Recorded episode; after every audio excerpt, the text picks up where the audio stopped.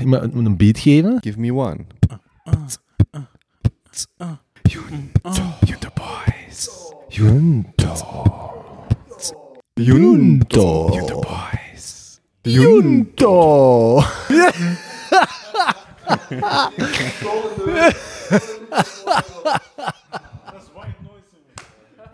Zeker?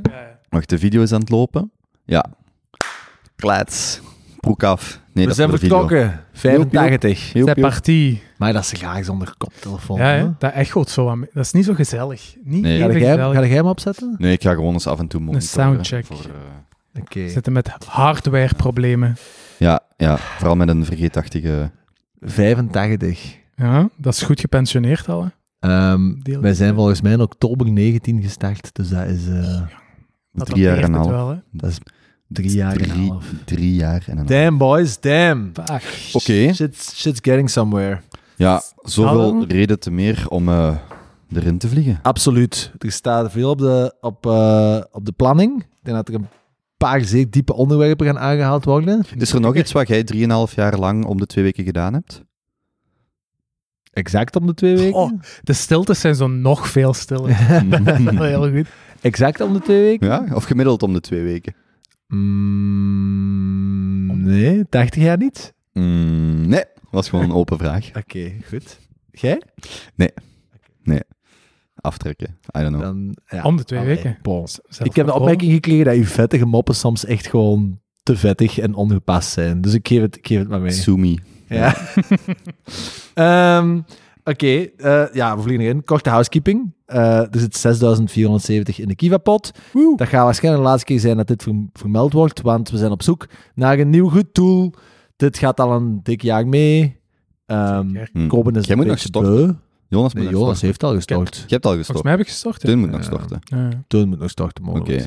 We zullen het wel ook in de show notes laten staan voor mensen die dit later beluisteren. Dat Ja, ja, en blijft op de website staan. Onder Ja. vraag 12 staan alle goede doelen dat we ooit hebben gesteund. Maar we zoeken nog dus een nieuwe. Dus als Ja. luisteraars ideetjes hebben, ehm, mogen die altijd op Instagram of via mail gestuurd worden. Ja. En dan eh, een like en subscribe. Iemand?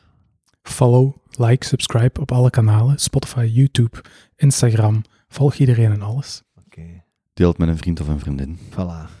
Thanks. Kortste housekeeping ooit, boys. Bam. Dat was efficiëntie. Twee, drie minuten. Tip top. Rond. En we- zijn, we zijn nu zo'n partie. Vraag 1. Vraag je, hoe, On is y het, va. hoe is het ermee, Kobe? Ehm, goed. Ehm, Dank u, Benjamin. Kortste junto ooit. 10 minuten. Nee, ik heb, ik, heb, eh, ik, heb, ik heb gewoon een, een, een, zeer specifieke opmerking. En dan heb ik ook een meta-opmerking. Namelijk, ik, ehm, mijn billetjes doen pijn. Van Mijn, het eh, weekend nog? Of? Nee, dus ik ben eh, gisteren per ongeluk iets te ver gaan fietsen. Hmm. En eh, ik ging eh, 20 kilometer enkel doen, dat bleek 30 te zijn. En ik spring daar net op mijn fiets en ik denk echt, dit kan niet, dit mag niet. En ook, ik heb zo een beetje rode uitslag zo op mijn billetjes. Oeh. Vooral, het is... eh, Ja. Gaast. Ja, ja. Dus het doet pijn, maar het was wel, dus een hè, het- want de vraag was, was een hoogtepunt. Het was wel mijn eerste fietsritje van het jaar. Ah, ja. Ehm, dus eh, mijn broer belt. Oeps. Heb je ehm, gewoon geen fietsbroek aangedaan? Of Jawel, zo, echt zo nog zo'n eh, zo'n specifieke zeemvelbroek Zeemvel. van Assos. Ja. Ehm, Wat maakt er Toch geschuurd. een volwassen man Hmm. die naar, naar zijn eigen kont verwijst als zijn billetjes. Ik Mhm. vind dat echt, heet dat Mhm. strak. Als ze hem binnenwandelen, zit hem dat ook. Ik vind dat echt ongezien wat hoort je liever? Mijn poepje. Dat is, Gewoon dat verkleinwoordje daarachter, dat maakt het heel... Mijn billen. Mijn, ja, mijn ja. billetjes. nee, Mijn billen. zonder verkleinwoord. Het, zijn ook niet, hè, het is een, het is een goeie achterwerk dat je hebt, dus je Mhm. moet dat niet met verkleinwerk, Mhm. met verkleinwoordjes. Wel, mijn achterwerkje deed, eh, deed, deed wel pijn. Ehm, maar, dus dat was, de, mijn hoogtepunt was eigenlijk mijn, was mijn eerste fietsrit. Maar ik heb ook zo gewoon, eh, ik heb vandaag een, een, een blogpost geschreven, maar dat gaat mij te lang. Ik wil gewoon even stilstaan bij zo hoe interessante tijden het zijn. Want ik zit zo de laatste weken echt gewoon constant zo achter mijn computer en achter kranten. En gewoon zo, ik heb gewoon eens van deze week opgesomd. OPEC Plus, dus dat is, dus vooral van gisteren en eergisteren, OPEC Plus verlaagt de olieproductie. Eh, Uniswap-volume is groter dan dat van eh, Coinbase. De unrealized losses in de banksector. In Israël marcheren ze deze week mogelijk richting een burgeroorlog. Protesten in Frankrijk. Trump is Met vandaag... dezelfde upbeat ook gewoon. Trump, Trump is vandaag aangehouden. Er zijn al, dan heb ik het nog niet over GPT gehad, over Belgische politiek. Er is gewoon zoveel interessants. Hm. Ik heb het gevoel dat wij zo sinds Eh, dus 2020 is begonnen met Trump en dan de bestorming van het Capitool. En ik heb zo het gevoel, dan hebben we COVID gehad, dan hebben we de Oekraïne-crisis gehad, eh, met de energiecrisis en alles erbij. En het is gewoon al drie jaar aan een stuk, gewoon aan een waanzinnig tempo, dat het leven leven, voorbij ja. stormt. En ik was gewoon deze week, ik keek zo eens naar mijn krantjes, naar mijn artikels, naar mijn boeken, en ik dacht echt, Kleintjes. het is zo interessant. Ik heb vandaag Der Spiegel gekocht. Ik ga terug Duits spreken. Oké. Yes. Eindelijk. Nice. Goeie, Was dat van Trump niet fake trouwens? Nee, die is echt vandaag- De foto was Er was een foto foto die was fake was. Oké. Dat van de paus vond ik ook heel cool. Ah ja, Balenciaga. maar, eh, maar hij is vandaag aangehouden, maar ik heb het voor de rest ook niet gevolgd. Maar ik was gisteren zo aan het denken van... Ah, dat is gewoon zo, er is gewoon zoveel te doen. Mhm. En Israël is blijkbaar echt waar je weinig van het nieuws hoort, maar echt aan het ontsporen. Ook met een stukje Ramadan. En dan... Blijkbaar wordt vrijdag een heel... Naar vrijdag toe wordt het heel explosief. Hmm. Maar voor ja, ik denk dat sommige van die onderwerpen subiet nog meer in detail gaan eh Zeker. uitgespit worden. Maar Dus, leuke eh, hoogtepuntjes. Ja, mijn Zo hoogtepuntje was van- Het is super interessant. instabiliteit. Ja, Ja. is zo, this is fine. mooi, hè? Die meme met zo, this is fine, en dan zo Ja. overal brand. Ja, ja, Ja. absoluut. Dat, gevo- dat gevoel. Ja. Ja, ja. herkenbaar. Is het met u? Is het even geleden dat we u hier gehoord hebben? Ja, ik denk dat ik er eentje geskipt heb, een maandje geleden ondertussen. Maar ja, als je dat om de twee weken doet, dan eh, zit er rap wat tijd tussen. Absoluut. Eigenlijk in principe helemaal goed. Ik dacht eerst eh, een hele aflevering door te bomen over eh, computers, de apocalypse, this is fine. Komt? Maar ik ga er toch ook nog iets emotioneel tussen, tussen Mm. fietsen, even. Mm. heb- Moeten nadenken, moeten voelen, maar eh, het is er toch uitgekomen. Nee, ehm, ik ben eigenlijk gewoon heel trots op mijn zusje geweest de afgelopen twee weken. Ehm, altijd wel goed overeengekomen, maar we staan in het leven over veel dingen nogal recht tegenover elkaar. Zij is mee met maatschappelijke problemen, geeft iets om sociale problemen, is bezig in de kunst, allemaal van die dingen. Ik iets minder. Eh, dus dat is altijd moeilijkere gesprekken. Dus op, eh, tijdens etentjes bij ons thuis neem ik ook altijd de lijnrechte tegenovergestelde optie van wat zij neemt. Zij is ook vegetarisch, ik absoluut niet. Dus altijd leuke Mm. gesprekken. Maar we vinden elkaar altijd wel, omdat, omdat we alle twee wel een middengrond kunnen vinden. En we gaan altijd graag samen op café, dus het is altijd heel leuk. Maar in het algemeen staan we wel eh, anders in het leven. En er zit ook heel veel in mijn zusje. Is heel ja, gemotiveerd, eh, gaat achter alles aan wat ze wilt. Maar zit jammer genoeg ook een beetje in dat kunstwereldje, in de museumsector. Eh, dat is niet altijd even, ehm, laten we zeggen, bevorderend voor de, voor de eh, ondernemende spirit Maar- van de sto- mensen. Stoort u dat dan? Of, of is dat gewoon veel Dat op fluff? zich niet zozeer. Dat, dat op zich niet zozeer. Het is vooral dat ze dan wat is gerold in de meer ambtenarenkant van heel dat wereldje, als in de museumadministratie Mm. en dat soort dingen. En eigenlijk altijd heel veel ideeën heeft gehad eh, en willen doen. En dan sinds een jaar geleden is er zo'n klein vlammetje begonnen van misschien wil ik zo wel eens een, een café opstarten waar we ook iets met kunst willen doen. En dan ben ik gewoon als een maniak beginnen aanwapperen voor twaalf Hmm. maanden lang. Ja, dat het geen einde kent en ook niet over opgehouden. opgehouden. Ieder weekend over begonnen. Iedere keer als ik kon vastkrijgen, terug over begonnen. Ehm, maar nu heeft ze dus beslist om deze zomer eh, een, een bar over te nemen. Die sluit omdat er een baby aankomt. En een zomerbar te op- openen met daaraan gekoppeld een eh, volledige kunst... ehm, was daar het mooie woord voor? Het is echt zo buiten te doen. Echt een heel kunstevenement. En volledig op zichzelf, met businessplan en alles. Dat gaat recht trekken, draaiende houden. In eh, Sunville of in Leuven? In of waar? Kelo natuurlijk, hè. In Kelo. Ja, ja, bij ons zelfs om de hoek. Ah, wacht, uw zusje, woont die... Ik volg niet, die woont toch niet in Kesselo? Mijn zusje woont in Leuven nu, hè. Ah, Die eh, werkt bij het M-museum Oké. Ja. Oké. En ze gaat dus eh, een zomerbar openen met kunst eraan gekoppeld. En ik vond dat gewoon Dat is heel cool. prachtig. Heel Misschien ook daarbij vermelden, voor de nieuwe luisteraar. Ik denk dat de trouwe luisteraars dat weten, maar je zus is ook... Nee, een mijn- dit is mijn zus. kleinzusje. Oké. Ja. Ja. Mm. Mijn oudere zus is gehandicapt, maar mijn kleinzusje is relatief gewoon. Oké. Beetje artistiek, maar behalve dat, helemaal prima. Heel Zo wat van die te cool. grote zwarte schoenen. Maar, ja. Ja, ja, ja. ja. Ja. We gaan ze dus wel herkennen. Is er een openingsdatum? Is Er is een, nog eh, geen openingsdatum, maar het gaat in augustus een aantal lange weekends zijn, van vrijdag tot maandag. Dus eh, de koffiebar gaat omgedraaid worden in een wijnbar. mm. En dan wordt er een route uitgestippeld naar een parkje in de buurt, waar dan kunst van minder bedeelden ook, dus zij focust heel fel op dat sociale en het kunstige, eh, dat die tentoongesteld worden. Dat zijn eigenlijk mensen die nooit de kans krijgen om tentoon te stellen. en, en hoeveel startkapitaal heb je gegeven? Wel, daar hebben we dus ook heel lang over doorgeboomd. En mijn gevoel kun je gerust geld vragen voor zo'n soort dingen van rijkere mensen om dan te gebruiken om je sociaal doel Hmm. Te helpen. En zij zit daar heel fel mee geworsteld, omdat in dat wereldje geld gewoon als iets is vuil en Ja, ja, kwaad ja, gezien worden. ja, ja, ja. Ehm, dus daar moet ik nog wat achter zitten. Dus ik zit meer met vraag 15 euro voor een glas rode wijn. Hè. Al die mensen daar van Kesselo zijn blij dat ze even buiten komen met hun kinderen, dat wijntje achterover kappen. Ah ja, een wijntje zegt sowieso 5, 6, 7 euro voor een glas. Allee, ja, glas dus- cava, 8 euro.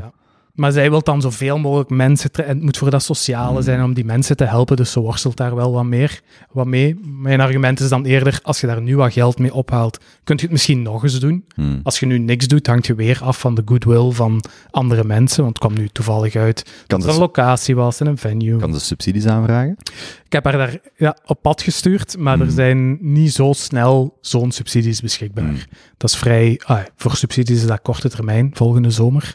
Ehm, maar wie weet, voor de volgende wel. Oké, gaan we Nice. kijken. Ja, zeker. Het eh, invitatiekaartje komt er zeker aan. Waar zou hier nog een kunstwerk kunnen hangen? Ik zie nog wel wat vrije Heel ruimte. lege muur. Voor de, voor de luisteraar, we zitten hier weer in, eh in Benjamin zijn, ehm, ja, hoe moet ik dit noemen? Een ehm, bescheiden stulpje. En eh, ik zie wel nog wat wit eh, tegen de muren. So, sorry, als ik het zo zeg. Ik bedoel, het zijn witte muren met nog een paar kale vlekken. Dus eh kan zeker nog iets hangen. Absoluut. Hoewel ik het zeker niet wil volhangen. Dat is wel niet de ambitie. Nee, dat begrijp ik. Maar eh, er, is, er is nog plaats. Ja. Voilà. Dus kom eens langs, pak iets mee. Oké. En het is in Kesselo. Het is in Kesselo, bij ons op de hoek. Eh, Ah, maar is het dat barkje... Ja, ja. eh, Bar Blom. ah, Bar Blom oké, eh, oké. gaat er even tussenuit voor de zomer en wordt dus echt een wijnbar. Oké. Met kunst included. Ga ze veel van leren. Ik denk dat ook Spreek ervaring. Ze gaat ook met vriendinnen doen. Ik denk dat het echt eh, iets goed is. Absoluut. Ondernemender dan ik gewoon. Maar ze mogen geen winst maken. Eh, op zich is het nu gewoon vanuit haarzelf. Ik denk dat die vriendin wel een BV heeft. Hmm. Maar misschien wordt het een VZW, dat weet ik nu allemaal. Ik was onlangs op een feestje. Zo een gast aan, een koppel aan het eerste feestje geeft in Brussel. Ik tafel daar zo naartoe. En eh, met dat ik binnenkom, hoor ik eh, de organisator zo tegen de meisjes aan de inkom zeggen van... ehm, het was zo kwart na twee. Eh, hoor ik die zeggen van, ja, ehm, we gaan geen mensen meer binnenlaten. En we gaan ook geen tickets meer verkopen, want om drie uur komt de politie langs. Omdat de, eh, blijkbaar de omgevingsvergunning van dit pand niet in orde is. En de buren hebben geklaagd. Gee. Eerste feestje, ingeïnvesteerd, 400 man, DJ's uit het buitenland laten komen. En dan echt Ah. gewoon om drie uur moeten sluiten. Ja.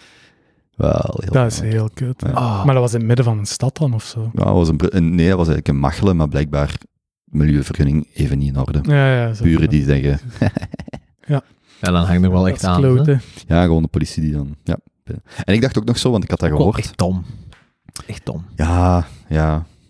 Dat Ja. witte, dat wit, dat hangt eraan. Ja, want ik, ik, had het, ik dacht ook zo van, ja, Zeus gaat hier om drie, want ik wist het dan. En dat is ook zo, dus ik kom daar binnen om kwart na twee. En ehm, ik had dat gehoord. En ik zie zo natuurlijk op dat feestje echt zo op 10, 15 minuten zo drie mensen naar elkaar zo nog zo wat kook snuiven. En dat ik echt denk van, jij gaat nog een slecht moment hebben over een uur. ja, of je gaat gewoon verder feesten. Maar ik had, was dus ook in, de, in, de, in, de, in, de, in het idee dat de politie zo ging binnenvallen. Gelijk zo'n Hmm. Michael Bay film, dat zo allemaal zo tak, tak, tak, tak, machinegeweren of zo. Maar nee, dat is gewoon, om drie uur gaat gewoon het licht aan, de muziek uit, en die moeten gewoon, die meten gewoon of je nog lawaai maakt na drie uur. Dus daar viel helemaal, nee, dat was geen, geen enkele flik te zien, anders dan blijkbaar dat ze aan de deur waren gekomen. Dat was het. Dus ik zat daar ook gewoon zo naar die gasten te kijken, en dan, ja, die, die, ja, goed. Maar dan zijn jij ook maar drie kwartier daar geweest. Dat is ook Ja, ja, ja, naar er- Brussel gereden. Er was, er was een set van, van ehm, twee tot vier die ik graag wou zien en als het dan goed was, want het was ook mijn eerste feestje sinds ik niet meer drink. Dus ik had ook zo gewoon, er waren vrienden van mij, ik had gezegd van ik wil voor die DJ van twee tot vier komen. En daarna was eh, een andere DJ die ik ook wel graag bezig zie. En dan zei ik van als het leuk is, dan blijf ik langer. Maar het kan ook zijn, want dat, dat heb ik vaak op feestjes, zo vanaf drie, vier uur zit iedereen daar ofwel strak onder de drank, ketamine, coke, whatever. En als je dan niet meegaat in zo alles maar gewoon tipsy zijn, ja, dan staat je daar gewoon zo. En ik Mhm. kan wel vrij goed meegaan met muziek zonder te drinken, zonder eender welke vorm van intoxicatie. Maar als zo iedereen extreem geïntoxiceerd is en zo je hebt van dat soort feestjes, dan is dat wel heftig. Dus, en dan ineens, ja, goed, om drie uur was het gedaan. Alles dicht. En dan, ja, Dat is pijnlijk. en dan kwam ik aan die, aan die toiletten en was er daar nog zo één, eh, dan stond er daar zo één met die gasten, dan ziet je die ook weer natuurlijk een lijn snuiven, kom je daar binnen. kak maar. En was dan tegen zijn vriend op het toilet aan het roepen. En die vriend op zijn rug, ik heb spetterpoep. Spet, dan is het half vier 's morgens, dat is spetterpoep. Ik zo, wat is dit? En dan ben ik naar huis gereden. Maar goed, dus eh, goed, goed georganiseerd en om drie uur gewoon wij moeten sluiten. Er Sorry. dicht in. Ja, Volledig nuchter zo'n feestje, ja. dat is ook wel dat is wel lachen. Dat is eigenlijk is dat echt goed. Ja, speciaal. ja. En met u, Mr. Benjamin? Goed. Ehm, vrij stabiel. Geen gigantische uitspringers. Mhm. Ehm, ik, eh, ik dacht wel één ding, dat ik, eh, als ik het hier in het weekend aan het voorbereiden was. We zijn de donderdag, hadden we iets te vieren met, eh, met werk. Dus wat we doen op het werk is elke keer als we een nieuw, kon- een nieuwe project binnenhalen, Hm. we hebben een potje. En daar steken we allemaal... Dus als iemand denkt van, oh, dat zou leuk zijn om te doen. En dat kan gaan van een chique taart bestellen. Dat was bijvoorbeeld één dat we nu volgende week gaan doen. Tot, in dit geval, naar Kaag Maritiem gaan in Brussel. En in Brussel gaan eten. Alright. En Hmm. elke keer als we een contract tekenen, dan de maandag nadat het contract getekend is, s ochtends hebben ze altijd teamoverleg. Mhm. En dan de meest onschuldige hand van die moment, en dat, dat wisselt, Mhm. grabbelt... Dat hangt van het weekend af. Ja, eigenlijk wel. Gra- Grabbelt dan in het potje en haalt een van de dingen eruit eh, dat erin zit. En twee weken geleden was er dus eh Gaar Maritiem uitgevist. Ken- Kennen jullie Gaar Maritiem? De naam zegt Is dat dat Ja. groothouten ding in Brussel? Ja. Ja. Ja. Ehm, dus ja, hè, we zitten in een bouw, allemaal wel een beetje eh architectuurnerds. En veel mensen van het team hadden eh Gaar Maritiem nog niet gezien. En Gaar Maritiem dat is een innovatieproject in het hartje van Brussel. Ehm, en dat is het grootste houtbouwproject van Europa. Ehm, en dat is wel echt, dat is wel echt heel mooi gedaan. Ja. Dat is echt residentieel? Of wereldtop, is misschien een sterke uitspraak, maar in Europa is dat echt wel... Dat is echt zoiets wat je in de lijstjes ziet en denkt, dat is zo de top 10, dat moeten we gaan zien. Mhm. Maar je staat daar totaal als Belg niet bij stil, tenzij Ja. je het inderdaad weet of hoort. En als je daar rondwandelt, denk je echt van, what the fuck Ja. is Dat is echt een half uur Ja. met een trein. En dat stukje Brussel, dat viel me ook op, want de vorige keer dat ik er was, was zo voor afspraken. En dan ja, je rijdt die ondergrondse parking in, je wandelt daar binnen, je zet terug weg met de auto. Maar dat stukje Brussel, dat is echt zo... Als je Brussel-Noord uitwandelt, en dan gewoon rechtdoor, dat is zo aan, aan het water. Zijn ze daar een hele ontwikkeling aan het doen, aan die Gaar Maritiem. Mhm. begint ze echt wel... En ook een heel groot museum dat ze daar nu aan het, aan het aanleggen zijn. Oké. Dat begint wel echt... eh, dat is iets aan het worden, hè. Maar dus, Gaar Maritiem, echt heel mooi. Maar en Ehm, zijn het huizen of is het een bedrijfspand? Of is dat is een bedrijfspand. Ja, eh, een, een, eh, een, een ja, evenementenruimte. Ehm, en daar in het midden is dan zo'n een, een food, Ah, ja. food area. Ehm met allemaal van die hippe foodstandjes. En daar hebben we met heel team ehm eh, wat gegeten en wat gedronken. En het ding was eigenlijk, waar ik uit concludeerde, is, je leest dat altijd zo in de, in de, de startup-boeken van het is belangrijk om te vieren. Hm. Hé, als, als, als klein teamje in zo'n, in zo'n bedrijf, je bent altijd zo gefocust op vooruit, vooruit, vooruit, en problemen oplossen en gaan en gaan en gaan. Meestal ook wel van die ja, triple, of noemt dat, triple A personalities, of van die, van die Type A. type A personalities, van die gedreven idioten. Hè. Maar je moet ook op tijd stilstaan bij de dingen dat je hebt bereikt. En dat is echt zo'n goed proces dat we hebben opgezet. En we gingen zo daarna, rond tien uur, terug met het treintje naar huis en je voelde zo, ah, maar echt, dat heb je goed gedaan. Mhm. Ehm, en dat deed me dan dus aan denken dat dat echt belangrijk is om dat te Dat blijven. is echt wel een toffe locatie om eens te bezoeken. Gaar Maritiem. Ja, Ja, ja. Dat is niet daar aan... Wat is dat ander groot aan het water? Tour en taxi. Ja. Ja. Niet ja. daar. jawel, dat is toch... Ah, wel daar.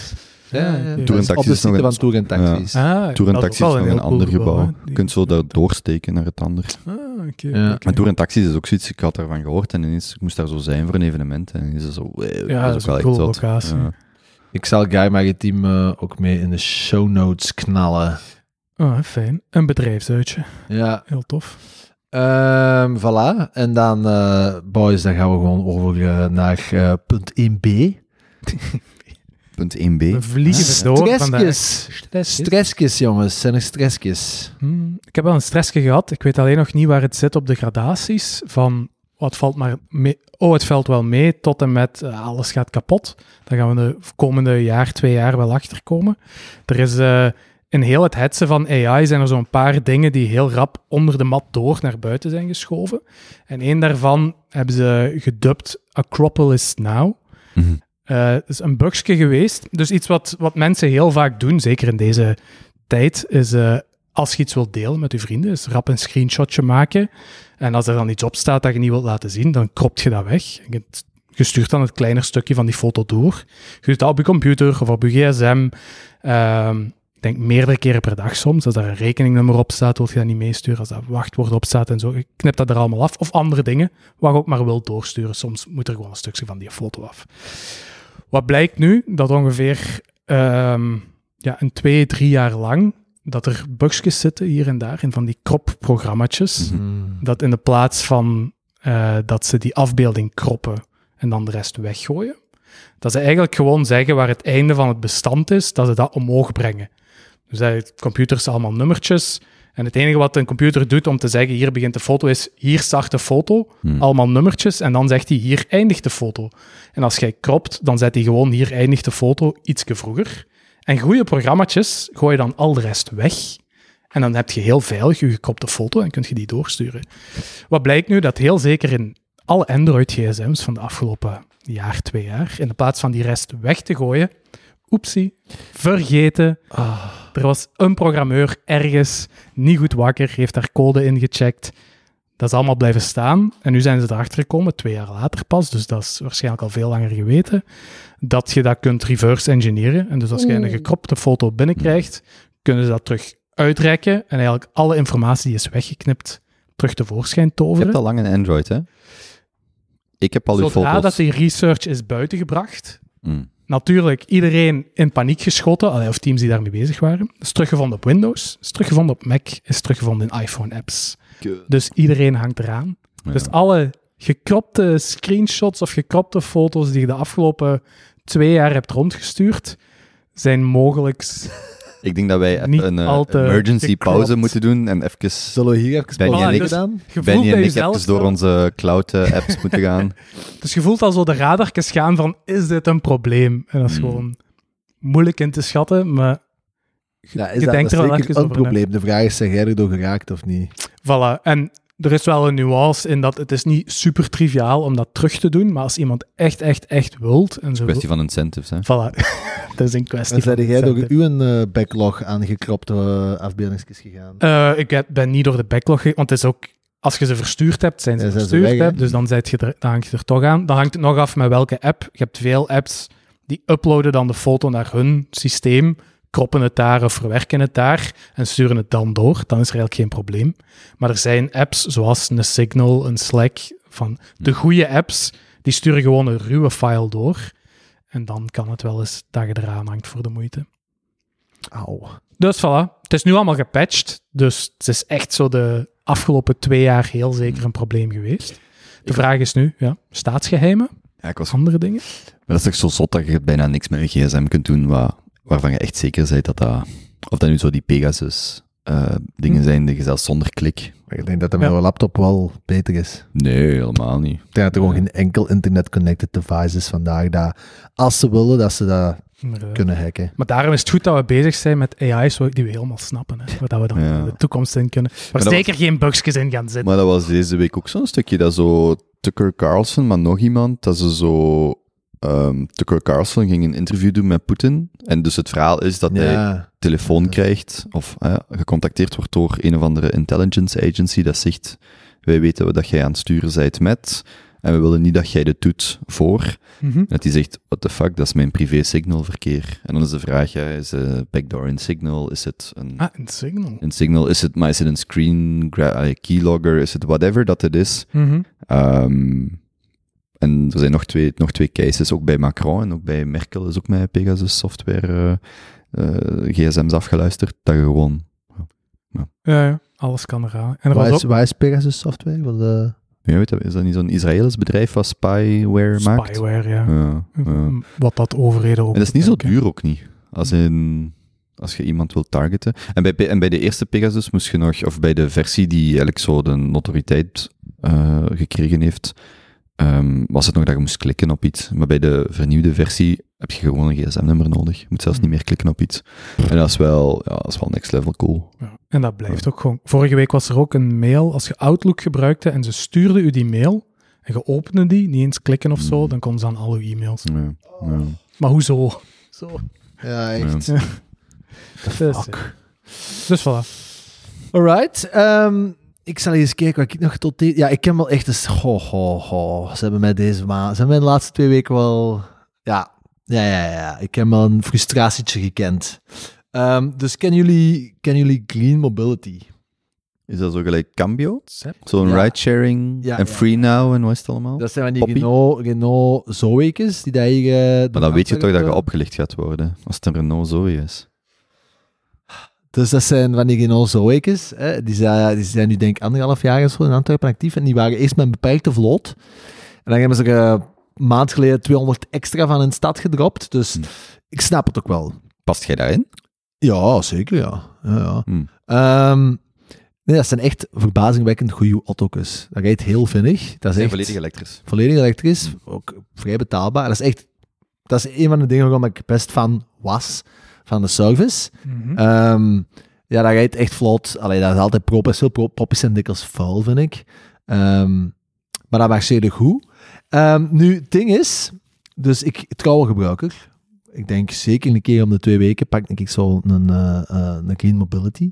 Als het niet meer is soms. Eh, en in pakt dikke week gele- geleden kijk ik berichtjes aan van Clean Mobility. Stuur een als je een ritje hebt gedaan, krijg je een factuur via sms betalen. Hè? Hmm. Als je niet betaalt, kun je niet meer terugrijden. En ik had niet gereden en ik kreeg keer twee facturen aan. Eentje voor 198 en eentje voor 58 euro. En ik denk, oh, dat is een fout, hè? Ah ja, hoe kan dat nu? Ik heb daar niet mee gereden. Mhm. Dus ik mail die mensen. Ik zeg, ja, ik denk dat er foutjes is gebeurd. Hè? Trouwe klant. Tof, tof bedrijf jullie. Ik, ik rij graag met jullie wagentjes. Maar ja, hier is een foutje gebeurd. Moet u even, moet u even, eh, moet u even zo naar de kant halen. Ja, nee, nee, meneer Rijzigmans. Nee, nee, nee, nee, nee. nee. Wij, ehm, ja, wij hebben, eh, we staan wel achter met als administratie. Maar ehm, in augustus 2022 is er een wagen weggesleept in en jij hebt die daar gezet. Oh, Ja, ja, echt. Oh. Dus dan... dat doet je... Dat- Allee, ja. Wat een stomme, stomme move van u in de eerste plaats, maar nu hele stomme move van hun om daar Negen maanden na datum, hè? Dat is wel Het ding lullig. is, ik woon hier al 3,5 jaar. Eh, Heb je zelf nu weer gedoxt? Dat is al de tweede aflevering. Ik heb er eens een stuk uit moeten knippen, omdat we drie straten verder zaten. ook piepen. Ja, piep maar. Ja, bon. Ehm, ik woon in, hier al in de buurt 3,5 jaar. Dus ik weet... ja, ik weet...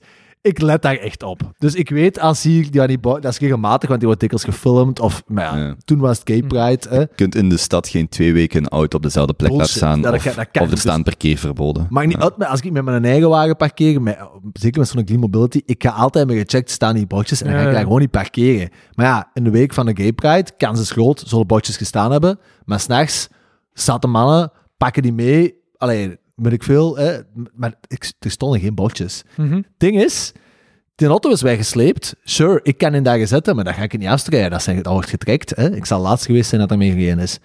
Maar als ik zeker weet dat daar geen bordjes stonden, en ik heb 30 dagen nadat je die boete krijgt, om Mhm. bezwaren te dienen bij het stad, en dan kunnen daar hè, gaan... Ja, ja, ja. En dat is ooit al geweest, dat ik heb gezegd, ja mannen, hier stonden geen bordjes, en Mhm. bon, klaar, afgerond. Mhm. Maar dat gaat niet meer. Want die Clean Mobility mannen, die hebben dat al betaald. ja, ja. Negen maanden geleden.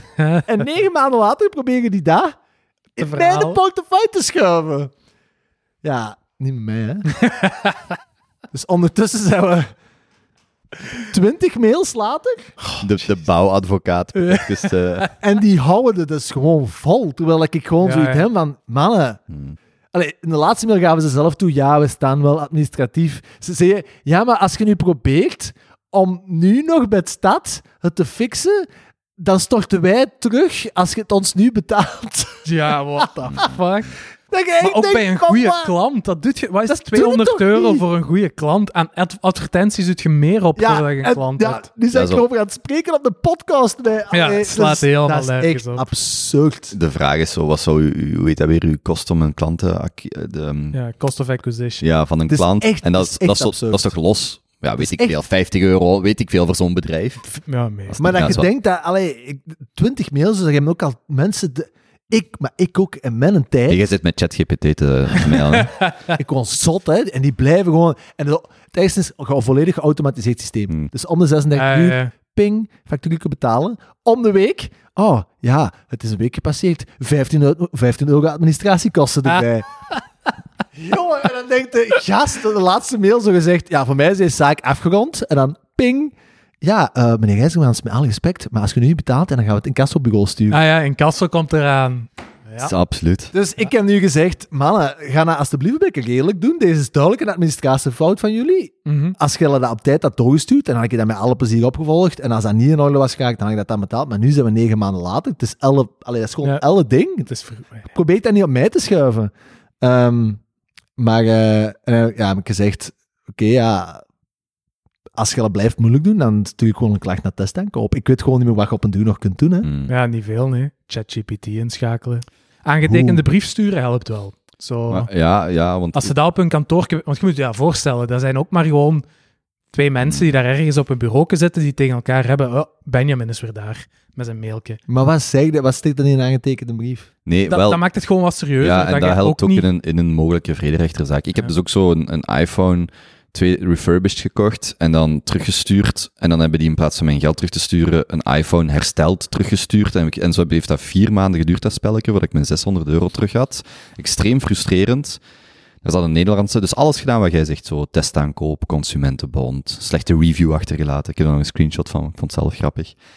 En uiteindelijk zelfs een claim bij Mastercard ingediend via Revolut, bij Visa, voor dat terug te krijgen. Mhm. Dat is uiteindelijk gelukt.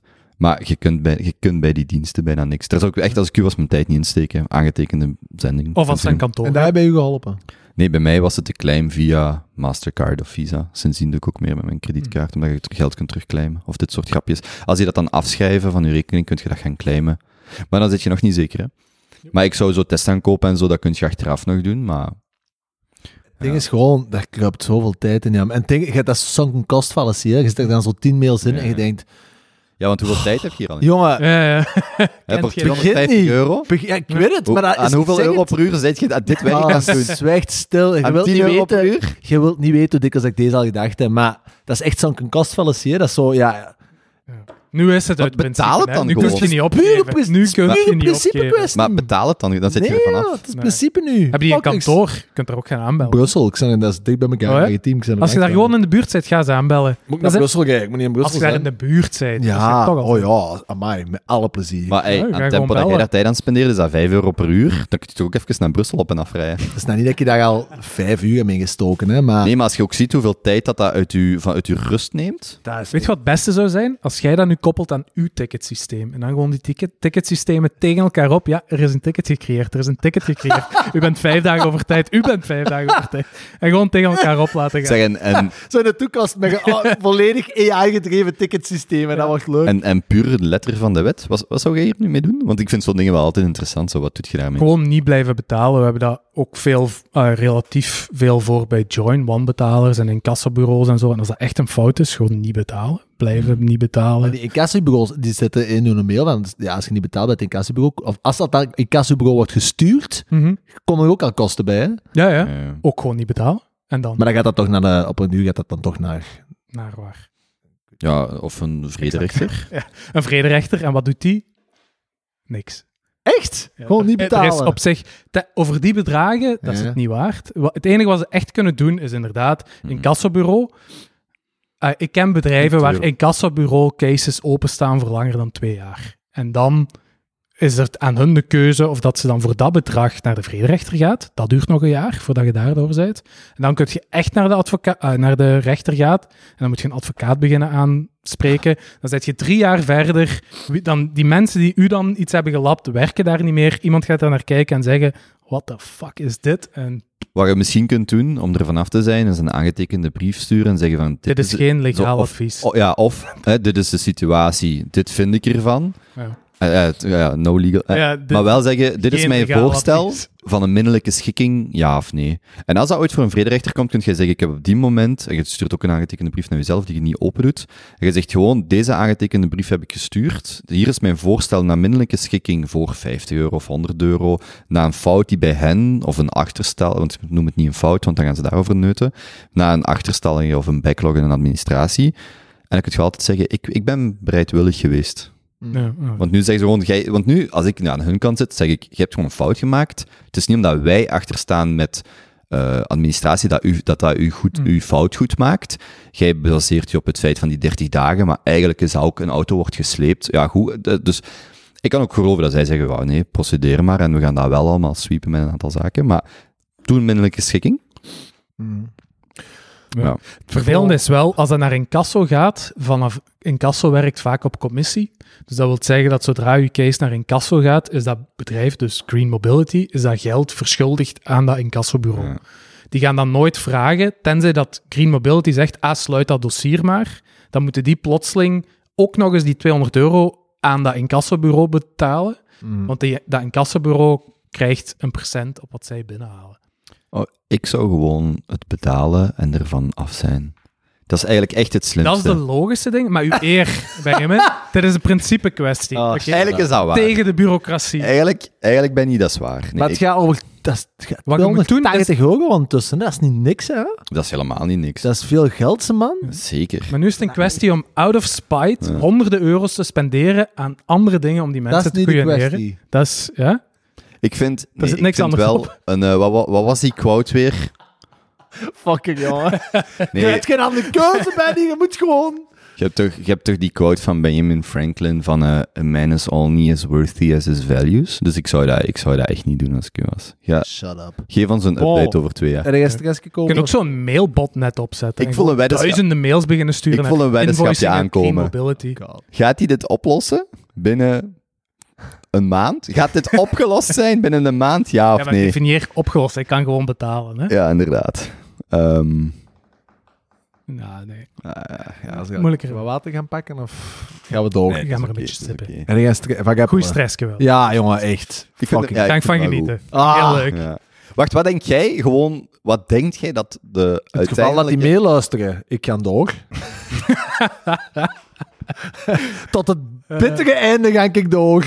Alle luisteraars mailtjes sturen naar info.greenmobility.be. De case van Benjamin aanhalen. Crimineel zijn het. Bon, nee, ik ben er aan het doorgaan. Maar het is wel echt niet correct. En dat is gewoon het ding. Hmm. Het is gewoon niet correct. Ik ben... het Ding, wat? Bon, ik ga niet meer verder over Nee, nee, maar doe maar. Ik heb liever dat je het hier nog eens zegt, dat je het ook uit... Allee, tegen wie kunt je hier ook te veel over klagen? Doe maar. Volgend punt. Heb jij ondertussen een andere service gevonden die je in plaats van Green Mobility gebeurt?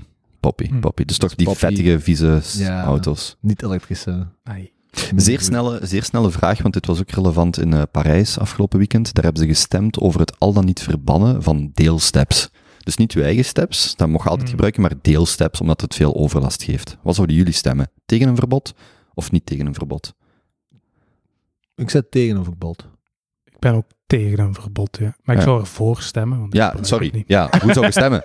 Ik zou ook voor stemmen. Ik zou, ja. Nee, jong. vind dat irritant. Maar dat moet wel gecontroleerd worden. In maar dat wordt niet gecontroleerd. Zijn, zijn er geen, hè? Verboden of waarom? Nooit geweest.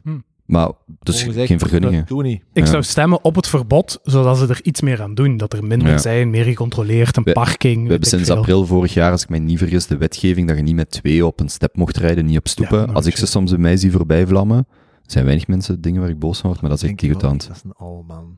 Toch Zo, altijd al ey, geweest van als ja, ik- wel, hè? Als ik uit mijn, uit mijn winkel kom of uit mijn deur en ik zie daar fietsers of steppers aan 30 per uur voorbij Spreek voor de vlammen. gewone Vlamingen. Ja, ja, ja. Ja, zo'n kleine... Maar Moest, ik, dat, moest ik onder de ventiluslijn liggen? Die kwam er niet, hè? als onder de grond! als stre- Of niks! Is dat je stressje, de ventiluslijn? Nee, nee, nee ik, had wel, ik, had iets, ik had iets heel kleins, maar het is ook een soort een stukje boodschap van algemeen nut. Ehm, ik vind het frustrerend dat heel weinig mensen op de hoogte zijn van het e-depot. Dus ik ga daar rond één minuut aan spenderen. Wat doet je met uw spaargeld op eh, de bank dat je niet binnen het jaar nodig hebt? De meeste mensen zeggen, laten staan, want dat is veilig en ik krijg er 0,11% getrouwheidspremie op. Dat is mooi. Dat is niet mis. Het kan nog beter. Elke Belg heeft sinds een aantal jaar een rekening, of een account, zal ik zeggen, bij het, ehm, het e-depot. En dat heet voluit de blablabla consignatiekas. Dus als je gewoon e-depot googelt, we zullen ook de link in de show notes zetten. En dat is een kas, letterlijk, van de overheid, waar dat organisaties, overheidsinstellingen, allerlei instellingen hun geld kunnen zetten voor de korte termijn. Je krijgt daar vandaag het rendement dat de eh, korte termijn Belgische staatsschuld ehm evenaart. Dat wordt maandelijks berekend en voor de maand maart of april is dat 3,1 procent. Damn. Dat is niet slecht. Het enige wat je moet doen is het een jaar laten staan. Het is een beetje gelijk een termijnrekening of een kasbon. Eén jaar. Je betaalt er ook 30% roerende voorheffing op. Maar in vergelijking met 2%. dus ja, 2 à 2, 2,2. netto, Mhm. geld in het handje. Dus voor al het geld dat je niet, minstens voor een jaar niet nodig hebt. Plus ook, je kunt altijd aan je geld. Je krijgt enkel maar je Het is rente. echt een lopende rekening. Ja, het is een lopende rekening. Je kunt er altijd aan, maar je moet het een jaar laten staan om de rente effectief te krijgen. Dus in plaats van je geld, dit is natuurlijk ook een stukje het probleem van de bankrun in de VS, dat mensen hun geld uit de bank halen en in money market funds en eh, allerlei obligaties steken. Dit kun je letterlijk ook als Belg doen voor 3,1% rente. En het is nog veiliger dan een bank, want een bank heeft louter een depositogarantiestelsel, terwijl dit is letterlijk bij de Belgische staat, die per definitie niet zo snel failliet kan gaan als Maar hoezo? Is dat dan een rekening? Hoe, hoe raak je aan die rekening? Is dat Gewoon inloggen. Met, me. dat is gelijk een, het burgerplatform of, of eh, hoe heten al die dingen die je tegenwoordig... Of e-box. Maar waar staat Gewoon, die rekening? Bij welke bank staat die rekening? Nee, dus letterlijk bij, eh, letterlijk bij de, de FOD Financiën hier. Wacht, hè. Iedereen heeft een rekening bij de FOD Financiën. Ja, maar het, het is, niet, het is een beetje gelijk... eh, het is zo gelijk It's Me. Dus via e-depot kunnen alle burgers en particuliere slash openbare instellingen diverse consignaties bij de deposito- en consignatiekas invoeren. Ik zal er nog bij zeggen, wat je ook via het e-depot kunt doen, is bijvoorbeeld een huurwaarborgregeling afsluiten. Ah, ja, ja. Dus dat is de instelling. Dus redeneren vanuit elke Belg heeft recht op een type eh, spaarproduct, maar ook op een huurwaarborg die gratis is. Veel banken bieden dat aan, omdat, eh, ja, goed, dat zit in een standaard dienstverlening. Maar er zijn ook een aantal pro- eh, diensten waar je als burger recht op hebt. En dit is er één van. Dat stond een paar maanden geleden in de tijd. En ik heb dat dan eh, ondertussen eens bekeken en dat is echt heel interessant. Je kunt ook via, misschien nog handig om te zeggen, via e-depot kun je ook slapende kredieten. Dus eh, kent je dat je zoals een ING-rekening in mijn geval hebt gemaakt voor 10 euro, omdat je dan twee cinema-tickets won. En je kunt dan dus daar zien ook welke rekeningen dat je nog slapende te goede hebt. Ah, ja. Als je bijvoorbeeld door iemand, stel iemand zet, zich, zet u in zijn of haar testament, maar jij weet dat niet, en dan kun je zien van, ah, die houden 30 jaar. Dat is eigenlijk wat de eh consignatiekas doet. Dus tot 30 jaar houden die geld voor u bij als je benoemd bent. Eh, als je aangeduid bent in een testament bijvoorbeeld, maar het niet weet. Dus dat is echt wel interessant. Iemand zou dit eens moeten supercutten, kopen die enthousiast is over 2%, met een paar jaar geleden eat-staking rewards aan 10%. Ja. Daar er een supercut van maken. Ja, times Oh, have changed. We zijn gewoon allemaal eh, z- eh, eh, eh, ZERP-babies. De Zero Interest Rate Ja. Ah, ja. Environment. Ik Wat- zeggen, het is interessant vind ik om nu dat je zo sinds een jaar terug in, van die, st- in een, een leefomgeving zit waar je met stijgende interestvoeten, Mhm. dat je zo van die dingen ziet, gelijk in de week stuurde eh Franco door, zo bij ons in de groep van de mannen van Mol. Ja, eh, op de AB kunnen nu, die hebben zo een, een ehm, cro- crowdfunding gedaan voor zonnepanelen te leggen op de AB. Nice. 6% interest. Mhm. Dat is mooi. 6. Ja. Huh? Ja. Moest ook dan, hè, de, wat is het, 12% belasting op betalen? Heb je Ja. nu wel rechtstreeks aan afgetrokken. Maar 6%, er beginnen zo dingen naar boven te komen dat je zo, Mhm. dat je zo- inderdaad hè, zero, voor je geld. 0% interest babies. Ja. Ja, Ja. maar of je kunt je geld gewoon laten werken. Ja. ja, maar hoe? Zonnepanelen om dat B ondersteunen. En dan Ah, kregen ze zo. ook, Ja, ja. dan ja. kregen ze ook zo gratis ticketjes en rondleiding van een AB en zo. Van die, Ah ja, mooi. Ja. beginnen van die rare dingen terug te komen. ja, in ieder geval, de, de, de, de, risk, op Back to normal. de risk-free rate is dus van 0% gegaan naar 3% op een jaar. Want ik denk dat hem de Bel dus die kas betaalde een jaar geleden in februari 0,1, 0,2% Ja, uit. Oliebox staat nu op 3, hè? Zot, hè? Ja. Ja, Ja. echt maf. Inderdaad. Alright, boys. Dan zijn we door vraag 1. Proper. Allee, van Green Mobility naar Euribor. En dan nog een eh, kunstachtig eh, wijnbarretje. Ja, ja, ja. ja. Ehm, ik denk niet dat het, eh, het, eh, de kwaliteit gaat minderen, want we komen bij de befaamde vraag 2. Hè? Eh, heb je een recente noemenswaardig essay, boek of podcast gelezen of gehoord dat je opmerkelijk of geschikt vindt om aan de junto te communiceren in de moraliteit, business, natuurkunde of andere delen van de algemene kennis? Iemand, Jonas, ik denk dat we misschien bij u gaan beginnen, want jij hebt wel verre best gedaan de laatste weken, hè? wat heb ik opgeschreven bij deze vraag? Want ik heb mijn notas niet, want ik moet het Papex opnemen. GPT-4. Oh ja, daar kun- Context embeddings. Ja. Eh, ik heb de, de afgelopen twee weken... Dit is het prompt voor hem om hem te doen out outputten. Ja, dat is gewoon eentjes en nulletjes. Ja. Op en af en op en af. Eh, de afgelopen twee weken zijn er twee dingen in mijn volledige levensworkflow veranderd. Ik ben ten eerste geswitcht naar de Arc browser. Even een korte plug tussenin. ARC? ARC. We zitten allemaal al heel lang op Chrome. Arc is hier en ik ben echt grote fan. Zal het hoeveelheid aan plugins? Eh, dat is volledig gebaseerd op Chrome. Dus het is eigenlijk niet meer als een extra laag over Chrome. Maar het is gewoon 100% usability daarop ingezet. Verschillende workspaces, scratchpads. Ja. Het is moeilijk om er zo kort uit te gooien. Dat is dan Chromium-based, of? Chromium-based. ja. ARC-browser. ARC. Staat eh, in de show notes. en vooral heel goed op grote schermen. Dus je kunt dan in je browser multiscreen doen, workspaces, favorites, tabs die altijd openstaan, tabs die vanzelf dichtgaan. De meeste mensen werken op 22 inch, Jonas. Niet iedereen heeft 32 Whatever. inch. Probeer het eens. 32 inch? Hey, hoe groter, hoe beter, hè? Dat Eh, is she said. En het tweede is dat ik heel veel gespeeld heb met eh, OpenAI en ChatGPT, maar nu de afgelopen twee weken of zo eigenlijk permanent gewoon een chatbox open heb staan, dus ook in die browser. Echt één kolommetje, altijd ChatGPT openstaan. Ehm, en daarmee echt, ik denk zelfs zonder al te veel te overdrijven, het werk dat ik steek in, laten we zeggen, beginnen aan taken. Het beginnen maken van een presentatie, het beginnen opzetten van een meeting, het beginnen coderen aan een app met de helft eh, heb kunnen optimaliseren in tijd. Dus je output is verdubbeld. het begin van de output nu. Ik zou niet zeggen dat ja, als je iets aan het maken bent, een blogpost of whatever, dat dan alles weg is, maar het van 0 naar 1 gaan is er niet Hmm. meer. Je stelt gewoon die vraag en er komt iets uit en dan kun je dan beginnen editen, beginnen aanpassen, op doorvragen, Maar je hebt vier, hè? inspelen. Ik heb nu ook vier, ja. Ehm, nu, dat, het grote, ja, de grote verandering daar is dat het zichzelf kan corrigeren. Dus je kunt vragen, zet je zeker dat dit juist is? En dan gaat hij kijken en nadenken, ah ja, misschien klopt het niet.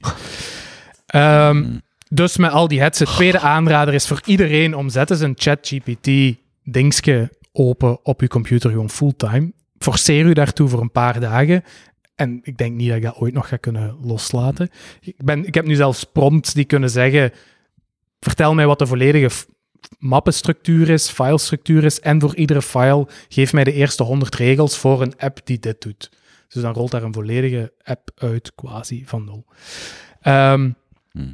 En op de achtergrond weet ik dan dat het eigenlijk niet meer is als een raad het volgende woordmachine. En ik denk dat dat, dat was iets dat ik even zou willen toelichten aan mensen om toch te weten hoe dat op de achtergrond werkt. Omdat het heel fel lijkt alsof zoiets begrijpt wat je zegt en wat je nodig hebt. Maar het enige wat dat doet is een, het meest probabiliteit woord, het volgende woord, raden en dat aan u geven, in dit geval de zinnen. We hebben het daar een paar podcasts geleden over gehad, bij eh, afbeelding ook, over hoe je zoiets omzet in eh, computertaal, in de modellen. En bij woorden is het interessante dat je moet dat natuurlijk ook omzetten in cijfertjes. Computers werken alleen maar op cijfers. Eh, die kunnen niet werken met letters of woorden. En als je heel naïef woorden zou willen omzetten in cijfers, dan gaat je natuurlijk gewoon een woordenboek pakken. Je gaat zeggen, het eerste woord is nummertje 1, het tweede woord is nummertje Hmm. 2. Heel het woordenboek door. Eh, en dan heb je eigenlijk een lijst van nummers die voor ons corresponderen met een woord. En zo kun je dan ingeven in de computer. Het probleem daarbij is dat wat woorden natuurlijk speciaal maakt, is de betekenis ervan. Het is niet zozeer eh, een woord gewoon kunnen benoemen. Het is echt snappen wat de context is, wat er rond ligt. Dus ook de volgorde waarin het in een zin gebruikt wordt en hoe dat je zoiets aanpakt, het omzetten in nummers, is heel belangrijk. Want het probleem bij het na- naïef zeggen in alfabetische volgorde eh, daar de nummers aan plakken, is dat als jij dan tegen de computer wilt zeggen, dit woord is bijna juist, stel je geeft de zin eh, het meest populaire huisdier is, en het komt met hond, maar had gehoopt dat het kat ging zijn. Als jij bij hond gaat zeggen, het is bijna juist, probeer iets dat kort bij ligt, dan gaat hij gewoon in het woordenboek kijken naar de H, en dan één woordje erboven, één woordje eronder, en misschien gaat hij dan ook op huis, of op iets anders dat helemaal niet te maken heeft met het woord waar je naar op zoek bent. Dus wat dat ze dan doen, is om aan die woorden betekenis te geven, is eigenlijk een embedding maken. En ik vind dat een heel cool concept, omdat ze gaan proberen om woorden in een context, in nummervorm neer te zetten. Dus wat ze eigenlijk doen, is dat als je je grafiek voorstelt met een x-as en een y-as, gaan ze een eerste zin pakken, dus van alle content op het internet. Ze gaan gewoon van boven beginnen, de eerste zin. Ze zetten die woorden uit op de x- en y-as. En iedere keer dat er een zin passeert, gaan ze daarbij, als het hetzelfde woord is, op hetzelfde punt beginnen. Is het dan het tweede woord ook hetzelfde, zetten ze het daar gewoon bij. Is het iets anders, schuiven ze een beetje op.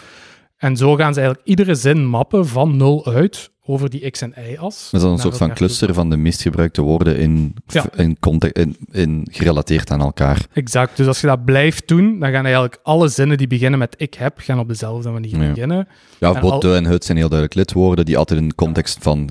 Ja. En zo gaan ze eigenlijk alles gewoon zetten in een hele grote wolk van woorden. En wij kunnen dat heel gemakkelijk voorstellen in 2D, ook nog wel in 3D, want die pijlen gaan alle kanten uit. Maar een computer stopt niet bij 3D. Dus in realiteit is iets dat ChatGPT is 500, 5000, 5 miljoen D aan woorden Hmm. cloud. En het enige wat die dan eigenlijk doen in zijn essentie is als jij vraagt ehm, wat is het meubelstuk waarop je zit, is dat hij dan die woordencloud doorgaat, die eindigt ergens, die gaat daar rondkijken wat zijn de woorden die hier rond dit punt liggen en dan het meest voorkomende woord teruggeven en zeggen stoel. En zo lijkt het dan voor u alsof die chatbot begrijpt wat jij bedoelt. Maar in principe gaat hij gewoon een heel, heel uitgebreide opzoekingswerk doen. En hier gaat het over, je hebt een zin en je vult een woord in. Wat ChatGPT doet, is je voert zinnen in en er komen zinnen uit. Mm. Dus het is zeker veel complexer. Maar je voelt al dat die snapt niet...